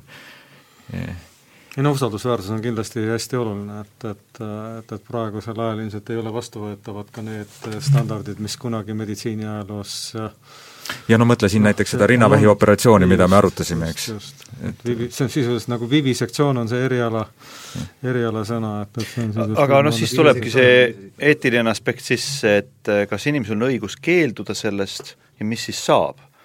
ikka on, muidugi on, inimene ju on, eh, tema valdab oma tervist ja, ja oma organismi. et te teha... võtate operatsiooni ette, siis ilma valuvaigistit? ei, seda me ei tee, meil on kas, keeldub, kas operatsioon koos valuvaigistiga või, või üldse mitte operatsioon. ilmselt patsient ei saa vivisektsiooni nõuda arstilt. jah, ei see, see jah, ei, me, me seda keelduksime tegemast. seal on äh, samuraid tegelesid vivisektsiooniga oma ja. Jaapani ajaloos. Aga nojah, me oleme siin tund aega meil räägitud, et hakkame siis seda vaikselt see, tüürima seda jutuajamist siis ka nagu lõpupoole, et väga huvitav, et see teema, ma kirjutasin see korda, mitu korda mainin seda juba, see valu, kannatus ja, ja, ja lunastus, et see toob selle ühiskondliku ja, ja, ja moraalse aspekti siia tagasi, et võib-olla hakkaks, hakkaks nagu siit pihta kuidagi, et see lunastuse teema on meil siin, aga ma võib-olla räägin, kõik ei tea ka seda, palju ma seda teile olen rääkinud, aga et noh, mul on, ütleme siis niimoodi, et mul on mm, kuidas seda saatesarja tehes tekkinud selline kujutluspilt, niisugune platoonilises äh, vormide maailmas paiknevast äh, humanitaarülikoolist, kus on äh, neli teaduskonda. füüsika, muusika, psühholoogia ja, ja mütoloogia, et et kui me siiani, see saade on olnud valdavalt füüsika teaduskonda kuuluv, siis füüsika laiemalt, kuhu kuuluvad kõik siis et nüüd me hakkame tüürima siis sinna, muusika jätame vist vahele täna, et see aga et hakkame tüürima sinna psühholoogia ja, ja mütoloogia mängumaale, mis on omaette ja nüüd kaks saadet, mis on siin eriti, me tegime Jungist üks inimese lootuse kandes pealkirja ja, ja Kõrboja vannutatud neitsi oli selle pealkirja nimi, kus Tõnu rääkis väga huvitavalt selle lunastuse, lunastuse teemast, et et mis see siis ikkagi õigupoolest on ja ja milline seos on milline seos on siin valu ja, ja lunastuse vahel ja mis asi see ikkagi on, see sõna? mina jah, see mind tõeliselt huvitab. no ma võiks hakatuseks öelda lihtsalt seda, et minu arust moodne meditsiin on noh, lõhkunud sellise nagu paratamatu või fataalse seose siin, et, et kuna, kuna meditsiin suudab valuga peale midagi hakata ja, ja üha paremini tegelikult neid olukordi, kus meditsiin on nagu jõuetu, et, et äh, ikkagi ei, ei suuda mitte midagi valu vastu teha, neid jääb järjest vähemaks, neid muidugi ikkagi veel on, aga, aga, aga et, et et selles mõttes äh, tänapäeva teaduslikul meditsiinil on olnud üsna, üsna oluline roll eh, tegelikult sellise traditsioonilise müüdi või, või vaate lõhkumisel. nojah, ta laiemalt eh, on see kogu siis meditsiin osana teadusest on seda mütoloogilist maailmapilti loomulikult äh, ra-, raputanud äh, aga võtame Meego, siin, sina, ei ole, ütleme, see teine osa oli meil siin selline tehnilise, tehnilise kallakuga, sellisena väga huvitavaga, et et võib-olla ava sina siin see, anna meile siin mingi raam ette, kuidas me seda viimast kolmandikku võiksime niimoodi kui me läheme struktureerida Läheme nagu vanade tekstide juurde, ütleme, kui me räägime müüdist või mütoloogilisest teadvusest nagu väga laias tähenduses, et et noh, piiblis on kindlasti üks kõige varasemaid äh, kannatuslugusid, on äh, raamat Hiiobist või Hiobi raamat. ja, ja mind on üllatanud tegelikult, kui äh, sügavalt või kui kõrgelt see tegeleb selle teemaga, et tegemist on siis mehega, kelle kohta selle raamatu sissejuhatuses öeldakse, et isegi Jumal ütleb saatanale, et vaata, ta on kõige õigem ja kõige parem mees maailmas. ehk siis tal ei ole midagi ette heita tal on oma pere, tal on jõukust, tal on heaolu ja kõik, ja siis juhtuvad järjest asjad. juhtub see, et või noh, ühesõnaga tegelikult seal sissejuhatuses on veel siis vaidlus Jumala ja saatana vahel, et noh, et sa oled ju talle ju kõik andnud, mis viga tal elada niimoodi, et võta ainult natukene ära talt, lapsi või tervist või varandust ja siis ta näeb, see neab sind, eks ole. ja siis hakkavad asjad juhtuma. Ja, ja ta kaotab oma lapsed traagiliselt, ta kaotab oma varanduse, ta kaotab oma tervise ja lõpuks naine ütleb talle ka, et tead, parem on hea jumal, et ta sure ära et ka abielu pinge ja stressi, selle taluvus on ju, ju väga, väga piiratud, eks ole, inimesel ja ja siis kogu see raamat on nagu mõnes mõttes selline teatrietendus, et et seal on dialoogid ja siis äh, Hiobi dialoogid nagu Jumalaga, kuigi Jumal on vait, aga ta kogu aeg räägib Jumalale, ütleb, et miks sa üldse lasid mul sündida ja ja edasi, siis tulevad sõbrad mängu, kellel on muidugi kõik selge, et Hiob on loomulikult pattu teinud. mingit muud seletust ei saa sellele olla, et need asjad juhtuvad. ja siis nad kõik äh, alguses nädal aega istuvad ja tunnevad kaasa, muidugi see empaatsus on väga suur, sest nad on sõbrad. aga siis nad hakkavad eks talle ära ratsionaliseerima, et vaata, äkki sa ikkagi kuskil enda südamepõhjas pead ikkagi tunnistama, et sa oled midagi valesti teinud. ja kogu see raamatu loogika on see, et tegelikult Hiob ei ole midagi valesti teinud selleks, et asjad juhtuvad. ja, ja kui lõpuks nagu sõbrad ka vaibivad ja, ja, ja lihtsalt ta halab, et et siis kuskil läbi ühe neljanda tegelase, kes tuleb ka veel dialoogi sisse, korraga nagu Jumal kõnetab, Jumal ilmub talle ja mida Jumal talle ütleb, on lõpuks see, et Hiob, sa ei saa aru, miks see kõik on, aga usalda mind. ja see on huvitav, et selle raamatu lahendus ongi nagu selles, et ei ole võimalik neid otsi kokku tuua, miks on kannatus, aga usalda mind ja ma noh, lihtsalt selle viite nagu meditsiini ka teeks, et et kui ilmselt tegelete inimestega, kellel on valu ja, ja ta tahab sinu vastu võidelda ja, ja mida kõike, eks ole, et see usaldus on nagu kõige suurem asi, mis seal üldse siis saab. Et, et anna ennast minu kätte ja ma hoolitsen selle eest. Ja muidugi see raamat lõpeb ilusa happy end'iga, kus ta saab uuesti endale lapsi ja need on veel ilusamad, kui eelmised olid ja ja elu läheb jälle heaks ja nii edasi, aga see, see metatasand, mis on nagu see, et, et me ei saa kõike ära seletada selles maailmas mida sageli ka isegi kristlik kogukond on püüdnud nagu läbi ajaloo, kõik nagu süsteemi ajada ja siis see süsteem on nii loogiline, et me, me teame täpselt, et on üks mõõde, mida me ei saa tegelikult ära seletada ja see ongi see antu, mis meil on. aga mis on selle kõige keskel võimalik, on usaldus ja ma tooks, siis hüppaks nagu siia siis eks ole, Kristuse juurde juba, mm, kes on ristil, ja kes kogeb ka, kes on näinud võib-olla siin seda äh, Passion of Christ filmi äh,, et teab, et seal on füüsiline valu, aga seal on hingevalu, seal on see sotsiaalne aspekt kõik ja spirituaalne, ja, ja siis ta selles risti valu ja kannatuse juures keeldub tegelikult äh, anesteesiast. talle pakutakse uimastavat äh, jooki ja ta ütleb sellest ära et ta, ta ei tarvita seda, ehk ta läheb sellest valust kõigest nagu teadlikult läbi äh, ja, ja noh, mõnes mõttes nagu lunastab siis eh, meid ka selle valu ja kannatuse keskelt, nii nagu Vana Testament prohvet on öelnud, et ta võtab oma valu ega meie valu enda peale, aga, aga ma olen ise olnud neerukivi valus, mis on nagu peaaegu, et sa tahaks mööda seina kõndida üles, sellepärast et see valu on nii metsikult suur ja sa ei pääse sellest. Ja ainukene, mis mind aitas selles hetkes, et Kristus, sa kogesid võib-olla midagi taolist ja sa paned selle tähelepanu keskme nagu mujale ja tekib see empaatsus ja läbi Vana Testamendi on ka üks refrään, mis jookseb ikka jälle, halastaja ja armule on issand Jumal rikas heldusest. et inimene on alati nagu toetunud sellele suuremale kellelegi, kes nagu talle käe sirutab.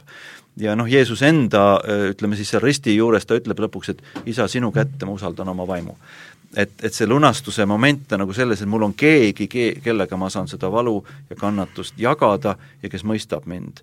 ja noh, võib-olla kõige parem äh, lugu, mille Jeesus jutustab, on lugu alastajast samaallasest, eks ole, kust on kogu see samariitlus ja ja halastus ja empaatsus tulnud, et et lähevad mööda preester ja leviit äh, sest see poolsurnuna maha jäetud röövlite poolt, eks ole, läbi pekstud inimene võiks äkki nagu roojastada neid preestrid ja leviitid, nad ei saagi nädal aega üldse oma templiteenistuses osaleda, et puutuvad surnuga kokku.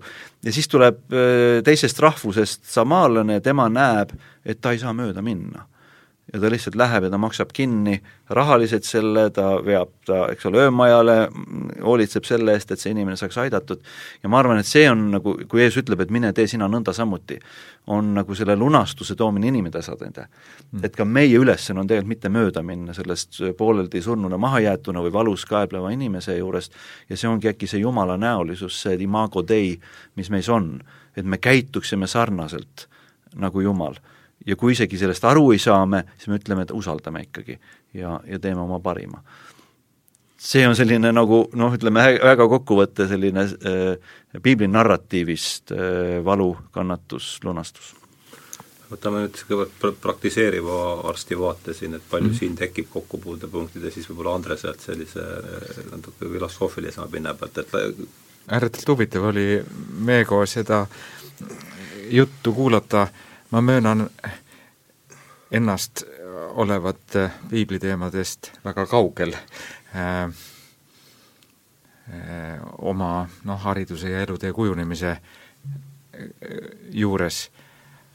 aga seal on äh, väga palju küll niisugust äh, arstlik, arstitöös noh, tulevaid momente, loomulikult inimlikkus, hoolivus need on need märksõnad, mis arstitöös on esikohal või keskkohal või kuidas, kuidas siis soovida väljendada.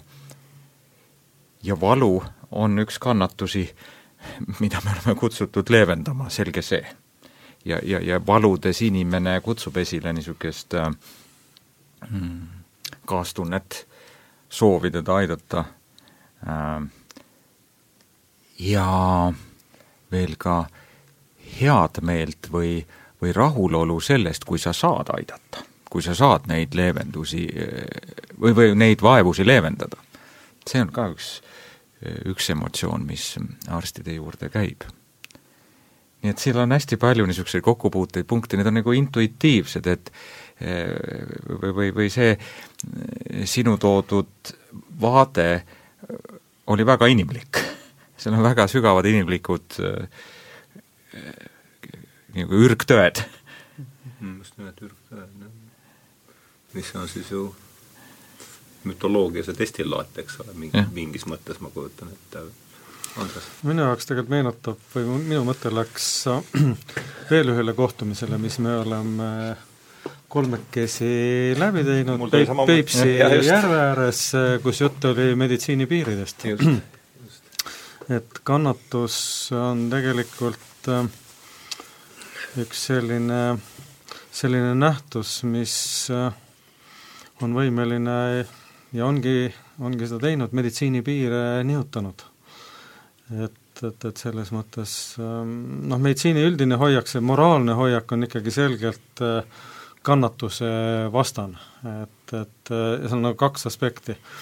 Et arst ei tohi oma tegevusega kannatust juurde tekitada.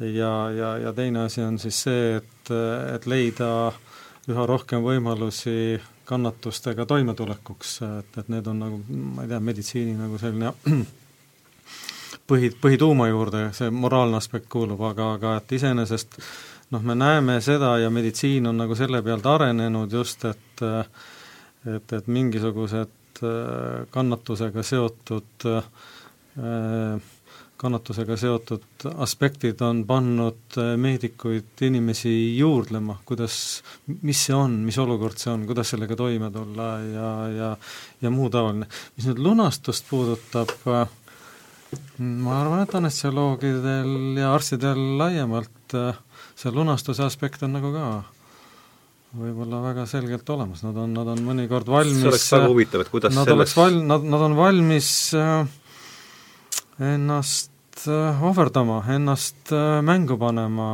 äh, ligimese hüvanguks, selle teadmisega, selle oskusega, mis tal on saadud. Ja sageli noh, meditsiinil on ju see aspekt veel, et, et see on üks selline suur aegrida, et, et, et sellel on oma, oma pikk ajalugu olnud ja üldiselt meditsiin kõnnib kogu aeg oma eelkäijate õlgadel, et, et, et selles mõttes siin on selline äh, noh, ütleme selline väga, väga, väga ulatuslik selline ajaline, ajaline mõõde ka ja ja Joeli ajalooline ülevaade selles suhtes oli, oli just väga, väga õpetlik ja, ja sisukas, et näitas, kuidas see kuidas see areng on olnud, et läbi, läbi raskuste, läbi probleemide, aga, aga et noh, et liigutud on ikkagi selles suunas, et et kannatusega toime tulla. Ja noh, kui nagu Andres viitas sellele ühele vestlusele veel, mis meil oli kolmekesi meditsiinipiiridest ja tegelikult ju surmale silma vaatamisest lõpuks, et vaat siin tuleb ka nagu see religiooni või see spirituaalse maailma aspekt väga tugevalt sisse, ma olen nii palju vaimulikuna käinud ju inimesi vaatamas, olgu kodus või haiglas, kellel on selge, et nad on lõpetamas oma elukorda ja noh, me teame ju kõik, see on väga suur kriis, mille inimene läbi äh, teeb, eks ole, Elizabeth Kübler-Rossi äh, siin äh, ütleme, need kõik teooria ja, ja praktika selle juures, aga, aga see on väga huvitav, kuidas inimene on, kui ta saab aru, et meditsiin mind ka enam ei saa aidata mm, -hmm. ta tegelikult vajab kahte asja. Vajab seda, et siinpool oleksid inimesed tema ümber. ja võib-olla noh, see on ka veel omaette teema, et kui inimene jätta lihtsalt üksi, Äh, ja tal ei ole ka füüsilist valu, siis ta hakkab kuskil mingil hetkel tundma seda vaimset või, või, või hingevalu, eks ole. aga et inimene vajab, et ta ei oleks üksi, et keegi hoolib, lihtsalt sellest piisab. aga sealpool, mis on täiesti tundmatu maailm, ta ei ole mitte kunagi sinna astunud, see on nagu rongi peale astumine, aga sa ei tea, kuhu see rong läheb, eks ole, ta vajab, et on mingisugune usaldus. ja ma olen näinud inimesi, kes on olnud täiesti lausateistid ja ma olen vestelnud nendega äh, sealsamas äh, suri voodil veel ka sellel teemal, et, äh, et kas Jumal üldse olemas on. ja, ja kuskil ta teeb mingisuguse usuhüppe ja ta ütleb, et palvetame koos ja ma võin öelda, et see on kuni presidendini välja, see on teadlasteni välja, see on väga lihtsate tavaliste inimesteni välja. ja kui te lubate mulle lihtsalt ühe loo nagu sellest, et et mind kutsuti ühe, ühe inimese juurde, mm, kellel oli vähki ja, ja ta abikaasa helistab mulle, ütleb, et pastor, et kas te oleksite valmis tulema, ja ma ütlen, et, et ja loomulikult. Ja, ja siis, kui ta annab toru, selle mehe, see mees ütleb, ma ei taha rääkida teiega, ma ei taha üldse ja ma ei oska talle nagu midagi muud öelda, kui et äh, hästi, et ma, ma olen valmis siis tulema, kui te tahate, et ma tulen. ja läheb umbes aasta. ja siis ta helistab mulle, ta hääl on kähe ja, ja ma saan aru, et see on päris kaugele läinud ja ta ütleb, et kas ma oleks valmis tulema. ja ma ütlesin jaa, muidugi ja, ja ma läksin, ta naine oli tööl sellel hetkel ja ta oli voodi peal ja me hakkame rääkima, tal lihtsalt on üks küsimus, aga kus me üldse võtame, et Jumal on olemas ja ma saan aru, et et intellektuaalselt ei ole mõtet nagu siin kuhugi selle vestlust nagu viia ja, ja ma li-, räägin temaga kõiki ja niimoodi, aga lõpuks ma ütlen talle lihtsalt, et et piiblis on üks lause, et kui sa oma südames usud, et Jeesus on surnust üles tõusnud ja oma suuga tunnistad, Jeesus on issand, siis sind päästetakse. Ja ma ütlen, et et mina nüüd lähen, aga see lause jäta meelde, et kui sa oma suuga ütled ja oma südames usud, siis, siis sind päästetakse. Ja ja, ja lähen ära, jätan Jumalaga ja paari päeva pärast helistab mulle ta abikaasa, kas ma oleks valmis teda matma, ütlesin, kas ta juba suri, ja, ja siis äh, ma ütlen, et äh, et ja muidugi, aga kuidas see lõpp oli? jah, ta, jäi ju kristlaseks. ta oli jõustlane. ma ütlesin, et ei, ei, ei, ta ei tea, ei saa aru. ja siis see naine räägib mulle oma loo, et kui ta tuleb töölt koju, siis see mees räägib talle seda. et äh, ta tõuseb üles oma voodist, et minna kööki klaasi vett võtma, sest janu on, ja keset kööki tal tekib see tunne, et ta ei saa enam hingata. ta seisab keset kööki ja ta enam hingata ei saa ja ta saab aru, et siia-samma ma suren. ja siis ta isegi ei saa öelda midagi, aga ta oma hinges hüüab, et Jeesus, päästa. ja ta ütleb, et samal hetkel hakkab ta hingama ja siis ta läheb, võtab oma klaasi vee, läheb, heidab sinna voodile ja ta saab aru, et see on reaalsus, millega ta võib arvestada. ja, ja kui naine tuleb ta ütleb, et ma olen ka nüüd usklik inimene ja sureb. miks ma seda lugu räägin, on see, et, et inimene seisab surmaga silmitsi tegelikult mingi tundmatusega ja see lunastus, mida nagu kristlik usk vähemalt on ju terve läbi sajandi, sajandite ja aastatuhandetega andnud, on just see, et kui enam inimlikult midagi teha ei saa, et siis on veel midagi, see usalduse nivoo läheb nagu veel kaugemale. aga mis on see kristluse võib-olla siinpoolne aspekt, on just see, et me ei jäta inimest üksi. ükskõik, mis on, et ta vajab tegelikult seda inimest või kogukonda enda kõrval ja sellel on rohkem abi, kui me võib-olla oskame seda seletadagi. ma kujutan ette, praktiseeriva arstina seal intensiivravi osakonnas on ju tihti äh, hetki, kus te enda jaoks, või kus sa enda jaoks teed otsuse, et nüüd on sinna ja on mm. juba preestrit vaja, eks, või, või kirikuõpetajat, et äh, et kus noh, on see äratundmine arstil, et, et siin enam ei aita meditsiin, et no, seda on sõnadesse üsna keeruline panna. see on iga juhu puhul lõpuks isesugune ja sellele juhule omane. seal on väga keeruline sõnastada või vormistada täpseid juhendeid, et kuidas teha ühes või teises olukorras. aga tõsi on, intensiivraviarstina ma puutun ka kokku sarnaselt, nagu sina ütlesid, et sa surmale pead silma vaatama, mina oma töös samamoodi. võib-olla need situatsioonid on natuke teised, pisut teised meil enamasti intensiivraviosakonnas sellega kokku puutes see lahkuja ei ole teadvusel või ma ei saa temaga kontakteeruda mm. -hmm. see on üsna suur erisus äh, situatsioonis. Äh, aga ega ma ei oska ka seda teemat rohkemgi avada, et see on igas, igas situatsioonis alati me arstidena siis võib-olla meil on mõned märksõnad, mida ma tooksin, on üks see, et me arstina kunagi ei tee seda otsust ravi lõpetada või ravist loobumise otsust, et me ei tee seda üksi, me arutame ja otsustame koos kolleegidega, on niisugune konsiiliumi mõiste ja ma arvan, et see on, on äh, vajalik ja mõistlik. võib-olla siin peab ikka see ravi produktiivsuse teema sisse tooma no., muidu kuulaja võib-olla ei saa aru, et miks ja, neid otsuseid langetatakse no,. Need on need olukorrad, kus me arstidena tajume, et see ravi ei ole, ei too enam oodatud tulemust, see haigus on ravimatu. ka näiteks, kui see patsient on väga eakas ja, ja, ja ravi või haigus on väga raske. ja kuskil nendes kohtades me ikka peame neid otsuseid kaaluma ja neid, neid mõtteid mõtlema ja neid otsuseid ka tegema noh, sekundeeriks sulle meditsiinieetika poole pealt, no vist isegi Hippokratesele on juba omistatud seda, seda mõt- äh,, nagu seisukohta aru saama, et mõttetu ravi on ebaeetiline. et ühel hetkel ja, ja intensiivravi vist on just see ala, kus kus arstid ja, ja, ja õed ja personal tajub seda meditsiini piiri ehk kõige, kõige selgemalt. ilmselt küll, jah aga noh, nagu ma saan aru, kui me täna valuteemast räägime, et just seal on ikkagi see valuvaigisti veel oluline see toob selle inimliku tasandi täpselt, tagasi. et, et siis see on, et äh, vähim, mis me saame teha, no et me võtame valu ära. et inimene, et me ei saa küll haigust ära ravida, aga me saame leevendada tema kannatusi. ja valu leevendamine äh, on kindlasti üks komponent nende kannatuste leevendamises selle üle on ka huvitavaid äh, sissevaateid, artikleid, arutelusid, et äh, kui palju reaalselt inimene tolles seisundis tegelikult siis seda valu tunneb või kaebab või, või kui, kui, mis rolli see valu seal mängib, et ega sellest nii väga süvitsi teaduslikku ülevaadet alati ei olegi. No mul on oma väga isiklik äh, nagu lugu ja ma ei mäleta, võib-olla ma rääkisin seda eelmine kord ka, aga aga tuli jälle praegu meelde, et kui mu ema oli suremas, mm, et äh, tal oli noh, vähk ja, ja see võttis ta suhteliselt kiiresti, äh, et kui ta oli päris lõpus juba ikkagi voodi peal ainult ja isa on mul ka pastor ja ja kui emal läks ikka nagu väga-väga suureks valud mm, -hmm. siis ta kutsus lihtsalt isa, et isa palveta minuga mm. -hmm. ja ta ütles mulle, mina ei tea, tema sõnad, ta ütles mulle, et iga kord, kui isa või tema mees siis tuleb tema juurde, paneb põlved maha, palvetab tema eest, ütles, et valu läks ära mm. ja noh, see ongi see, mida me saame teha, et me oleme oma kõrval, isegi kui meditsiinilisi vahendeid ei ole, siis on ikkagi see nagu see inimlik ja vaimulik tugi, mida ja, inimene ja, saab ja, anda. ja, ja kindlasti, sellel on selles kontekstis äh, oluline roll vaieldamatult.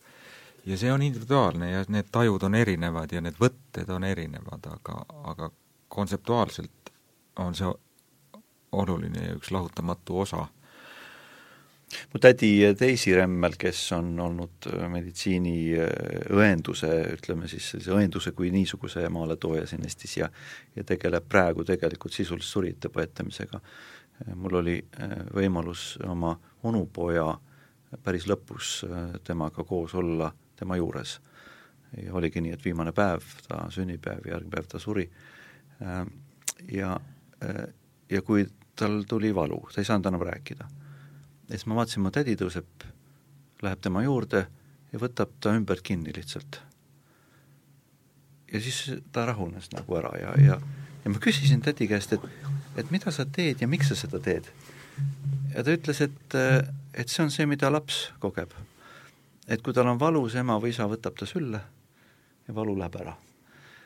et, et ka surev inimene, täismees kogeb midagi taolist. Et keegi lihtsalt puudutab teda, hoiab teda ja see valu läheb ära, et et mis see siis on, ma ei tea, mina ei oska seda seletada, aga ju meil on nii tehtud. noh, füsioloogid on ikka uurinud, ütleme, seda erinevate meelte mõju ja siin ütleme, see on selline patoloogia, füsioloogia ja psühholoogia selline kokkupuute, kokkupuutepunkt, et et, et, et kuidas ja noh, ilmselt ma ei tea, võib-olla jooga ja on, on vaimsed tehnikad äh, olemas, mis mis teatud määrani võib-olla ja, ja teatud ajalises perspektiivis äh, võimaldavad valu, valutundega ka toime tulla, aga, aga et äh, see on päris nõudlik, nõudlik žanr igal juhul. teatud piirini muidugi. jah, see Meego jutt tuletas mulle meelde lihtsalt kui rääkida sellist, ma ei oska inims-, kui öelda sõna inimsõbralikkus ja niisugune, et siis tõenäoliselt ei ole Robert Fischer esimene nimi, kes tuleb meelde, et ta oli ikka päris keeruline karakter. aga ma vaatasin tõesti dokki ja tema viimased sõnad olevat olnud, et there is nothing more healing than human touch, et et need ei ole midagi ravivamat kui inimese, inimese puudutus, et see haakub päris hästi mm. -hmm ja noh, ma arvan just, et siin on juba sealmaal, et siis äh, et ma arvan, et siin on just see moment, et kui me käsitleksime valu või valus olevat inimest või nagu atomistlikult, ehk siis nagu selline mehhanistlikult lausa, et noh, et võtame kõik valu ära ja siis ta saab toime, et tegelikult me kaotame selle inimliku poole või selle me inimese, inimeseks olemise poole nagu selle juures ära. ja mida just Wittgensteini juures mulle meeldib, et et võib-olla see toobki meid tagasi ju selle inimlikkuse juurde, et me oleme kõik haprad, katkised, pragunevad olendid ja ainult koos saame olla see, kes me tegelikult oleme. olgu see füüsiline puudutus või ka, et me suudame kellegi hinge puudutada kuidagi. see on midagi lisada veel selle, selle peale, see, kui hakata lõpusõnade peale mõtlema, siis need hakkavad juba sinnapoole täitsa niimoodi et see valu vaigistamise, valu vaigistamine mitte ravimitega, need tehnikad ja oskused, siinkohal ma küll, Meego ja sinu, sinu kolleege, need on imetlusväärsed, kuidas, kuidas nii-öelda selle noh, see on siis see psühhogeenne mõjutamine või, või, või see vaimu mõjutamine või, või kõik need tehnikad ega me arstidena neid äh, tehnikaid äh, äh, nii meisterlikult ei valda. üritame ühel ja teisel korral, inimestel on see, need oskused erinevad, aga need oskused on olemas need vajavad treenimist ja seal on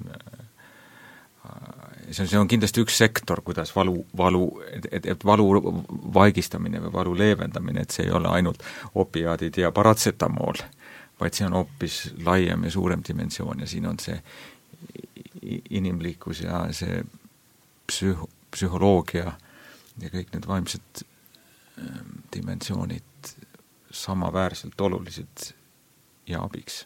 seal on palju, palju niisugust õppimist ja kokkupuutepunkti. aga noh, kui me mõtleme kas või ema Theresa peale, eks ole, kes läheb Indiasse et tal ei ole nagu mingisuguseid meditsiinivahendeid mm. ja neid surijaid ta nopib üles ainult sellepärast, ta ütleb, et, et na-, nad on armastatud. ehk siis ma pean neid armastama. ja see ongi, mis teeb nende suremise kergemaks. et, et ma, ma usun, et meedik suudab seda täpselt samamoodi edasi anda lihtsalt võib-olla me oleme hästi ma... tehniliseks selle ajanud, et et meediku ma... ülesanne on nüüd siin selles vallas ainult seda, seda teha, et aga tegelikult armastada oma patsienti, eks ole. ja, ja ma arvan, et seal on üks väike dilemma ka e,. valu mittefarmakoloogiline ja farmakoloogiline mõjutamine siis ravimitega või mitteravimitega. ravimitega on lihtsam. ravimitega on väga lihtne. me oleme õpetatud ja õppinud seda tegema. ja me võtame selle esimese kaardina taskust.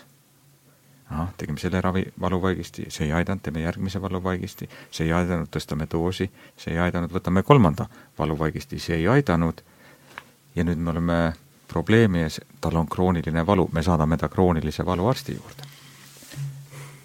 et see, ja see, see, see teine mittefarmakoloogiline valu mõjutamine või selle inimese vaevuste leevust, vaevuste leevendamine, noh, ega me nüüd üliosavad arstidena selles ei ole aga ma tahaks selle teise või, või poole ka tuua. dilemmad, et kuidas ja kui, kui ja seda on, need on erinevad, et seal on, on, on mõni inimene valdab seda hästi, mõni vähe, vähem hästi ja ja seda tabletti on ju lihtne kirjutada. aga ma tahaks siiski selle poole jälle nagu ka tuua, et, et näiteks siis mina kui kristlane või kiriku esindaja või siis mm. ütleme, kiriku kristluse, eks ole, selline süsteemne vorm ja, ja meditsiin kui praksis ja nii edasi, et et me mõnes mõttes me käime nagu ühte sama teed, sellepärast et me käsitleme seda valu siiski mingi objektiivse reaalsusena ja, ja on väga oluline, et meedik kõigepealt proovib tuvastada, kust see valu tuli, miks see tuli mm., et kui me läheksime nüüd sinna sellisesse nagu noh, sorry, idamaisesse sellisesse mm -hmm. mõtteviisi, kus kõik on subjektiivne ja mediteeri ennast lihtsalt sealt välja, et väga paljud patsiendid võiksid lihtsalt ära surra. et, et et me tegelikult oleme nagu ühe traditsiooni äh, kaks poolt lihtsalt ja, ja, ja, ja. ja ma arvan, et see on väga oluline, et me niimoodi seda maailma ja, näeme ja see on ka see, sama see juudi kristlik mütoloogia või Kreeka-Rooma, mis need kõik koos tuleb, et me oleme tegelikult sellest samast hälli, hällist pärit. No kindlasti, meditsiini ajaloogu ise ju näitab seda, kuidas äh, kristlus ja, ja meditsiin on väga tihedasti omavahel seotud, kõik see haiglate ja, ja kliiniku liikumine, et see tegelikult on, sealt, sealt saab alguse ja, ja et see, see seos on, on olnud äh, väga pikk ja mitmekesine. Andreks, Andres, lõpuks tänane see solidaarsusmeditsiin, kas mitte? mis see on? Äh, või no meie tervishoiukorraldus, eks ole oh,. jah, jah, jah, selles, jah, muidugi minu arvates üks, üks tervishoiusüsteemi nurgakivi on solidaarsus, võrdsus. no see läheb selle ja. sama riiklase pidi juurde. et, et minu jaoks on, nagu mõtlen kokkuvõtteks, et äh, valu nähtusena on üks selline fookus või, või tulipunkt, et, et äh, kus tema see tekkimine võib olla väga mitmekesine, väga, väga erinevate aspektidega seotud ja temaga toimetulek täpselt, täpselt samamoodi. Ja, ja eeldab sellist äh, väga mitmekesist äh, arsenali sellega, sellega toimetulekuks, et, et, et selles mõttes see on tõepoolest äh, midagi sellist ähm, inimese, inimese tegevusele ja olemisele väga olemuslikku, kuidas ta valuga toime tuleb mm. -hmm. minul oleks kokkuvõttes selline mõttekäik, et valu on üks väga oluline signaal inimesele tema organismi seisundist ja inimesed äh, ei pea häbenema valuga pöörduma meditsiinisüsteemi, arstide poole. seda tuleb teha. arstid peavad väga tähelepanelikult patsiente nende valus kuulama, uurima, vaatama, leidma võimalikke valu põhjuseid. valu on väga oluline signaal ühest või teisest haigestumisest, see on nii keskne meditsiinis, et, ähm, et seda ei saa alatähtsustada. valu signaliseerib ühest või teisest haigusest, mida saab ravida. ja arsti ülesanne on see ära tunda ja, ja, ja vastavalt toimetada arst peab suutma ka valu leevendada, kui haigust kõrvaldada ei ole võimalik. või, või, või kui see käib haiguse kõrvaldamise protsessi kaasa.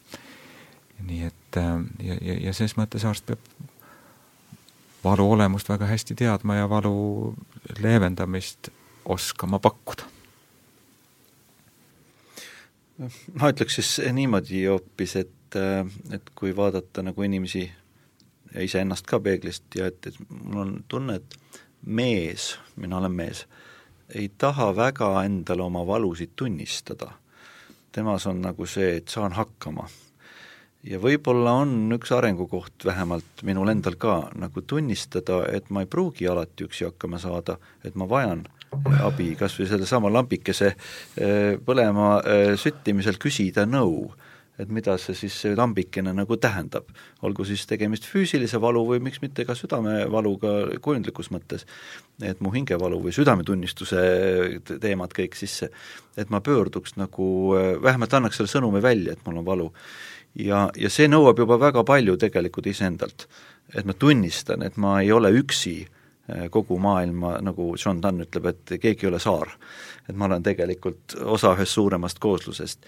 ja vaimulikuna loomulikult, et isegi kui inimesed ei saa aidata, sul on veel tegelikult võimalik toetuda eh, sellele kõrgemale Jumalale, loojale, kes on palju targem, tema on selle maailma nagu kõik kokku pannud ja me alles avastame seda kõike. Eh, ja, ja, ja see on ka kogemus, mis tegelikult on võimalik omandada ja selle pealt nagu edasi liikuda Andres?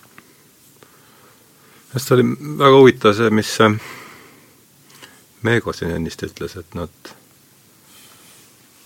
et kui me läheme seda ida teed, et kus kõik, kõigest saad ennast välja mediteerida, et siis noh, suur osa ei, see lõpeb lihtsalt nagu fataalselt, aga et üks raamat, mis mulle siin nagu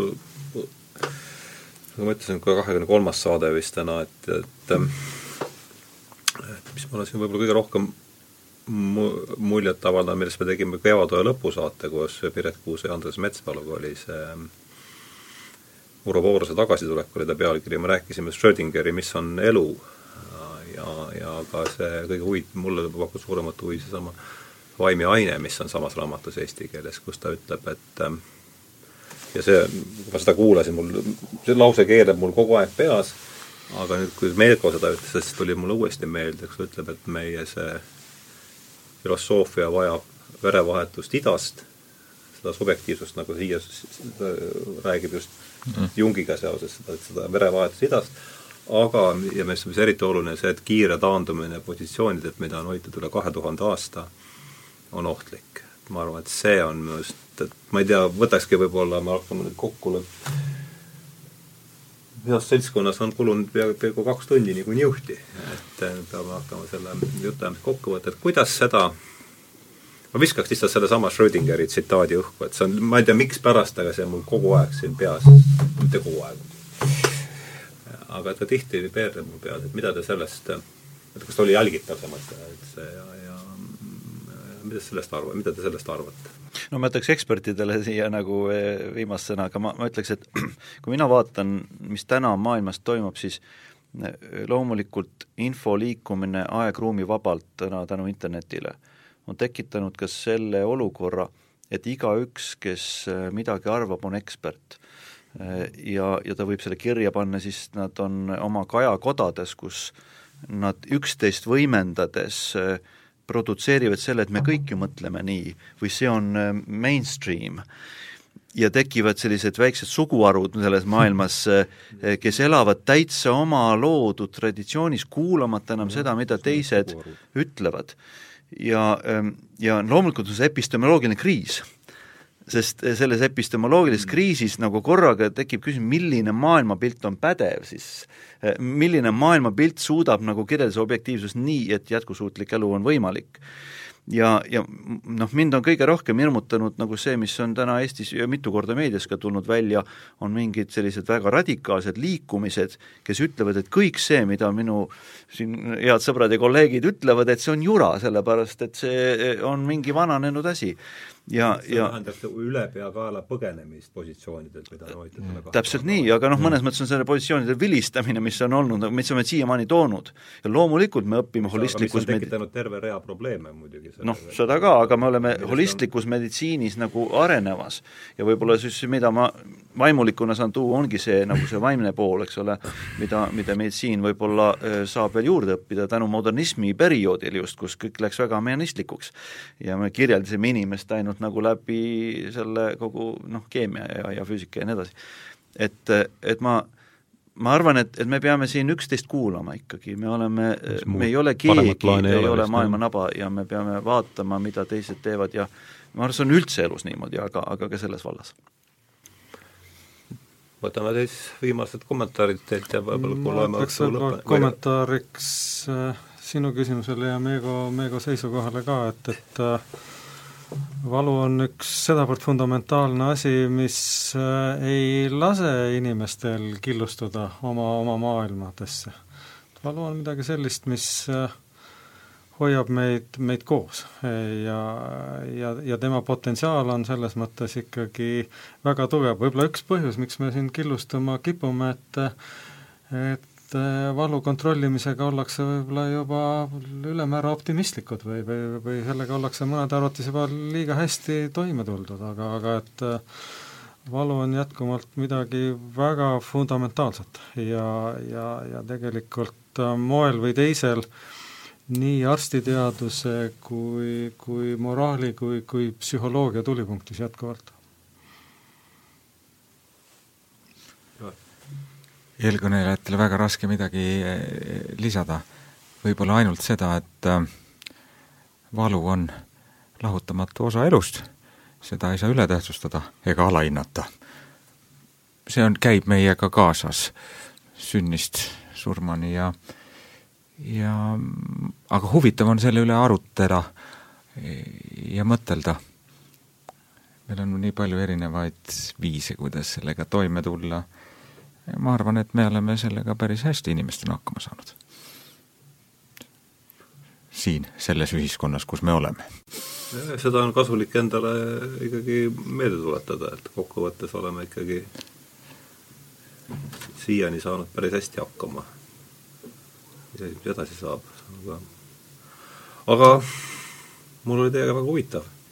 võib-olla vist tõmmata nüüd äh, joon alla, et äh, et tänan teid tulemast, eetris oli siis minu mälu järgi kahekümne kolmas saade, selle hooaja kuues saade, jah, tähenduse teejuhtidest ja rääkisime tänu valu laevendamise võimalustest ja minu saatekülalisteks olid Andres Soosaar, Meego Remmel ja Joel Starkop.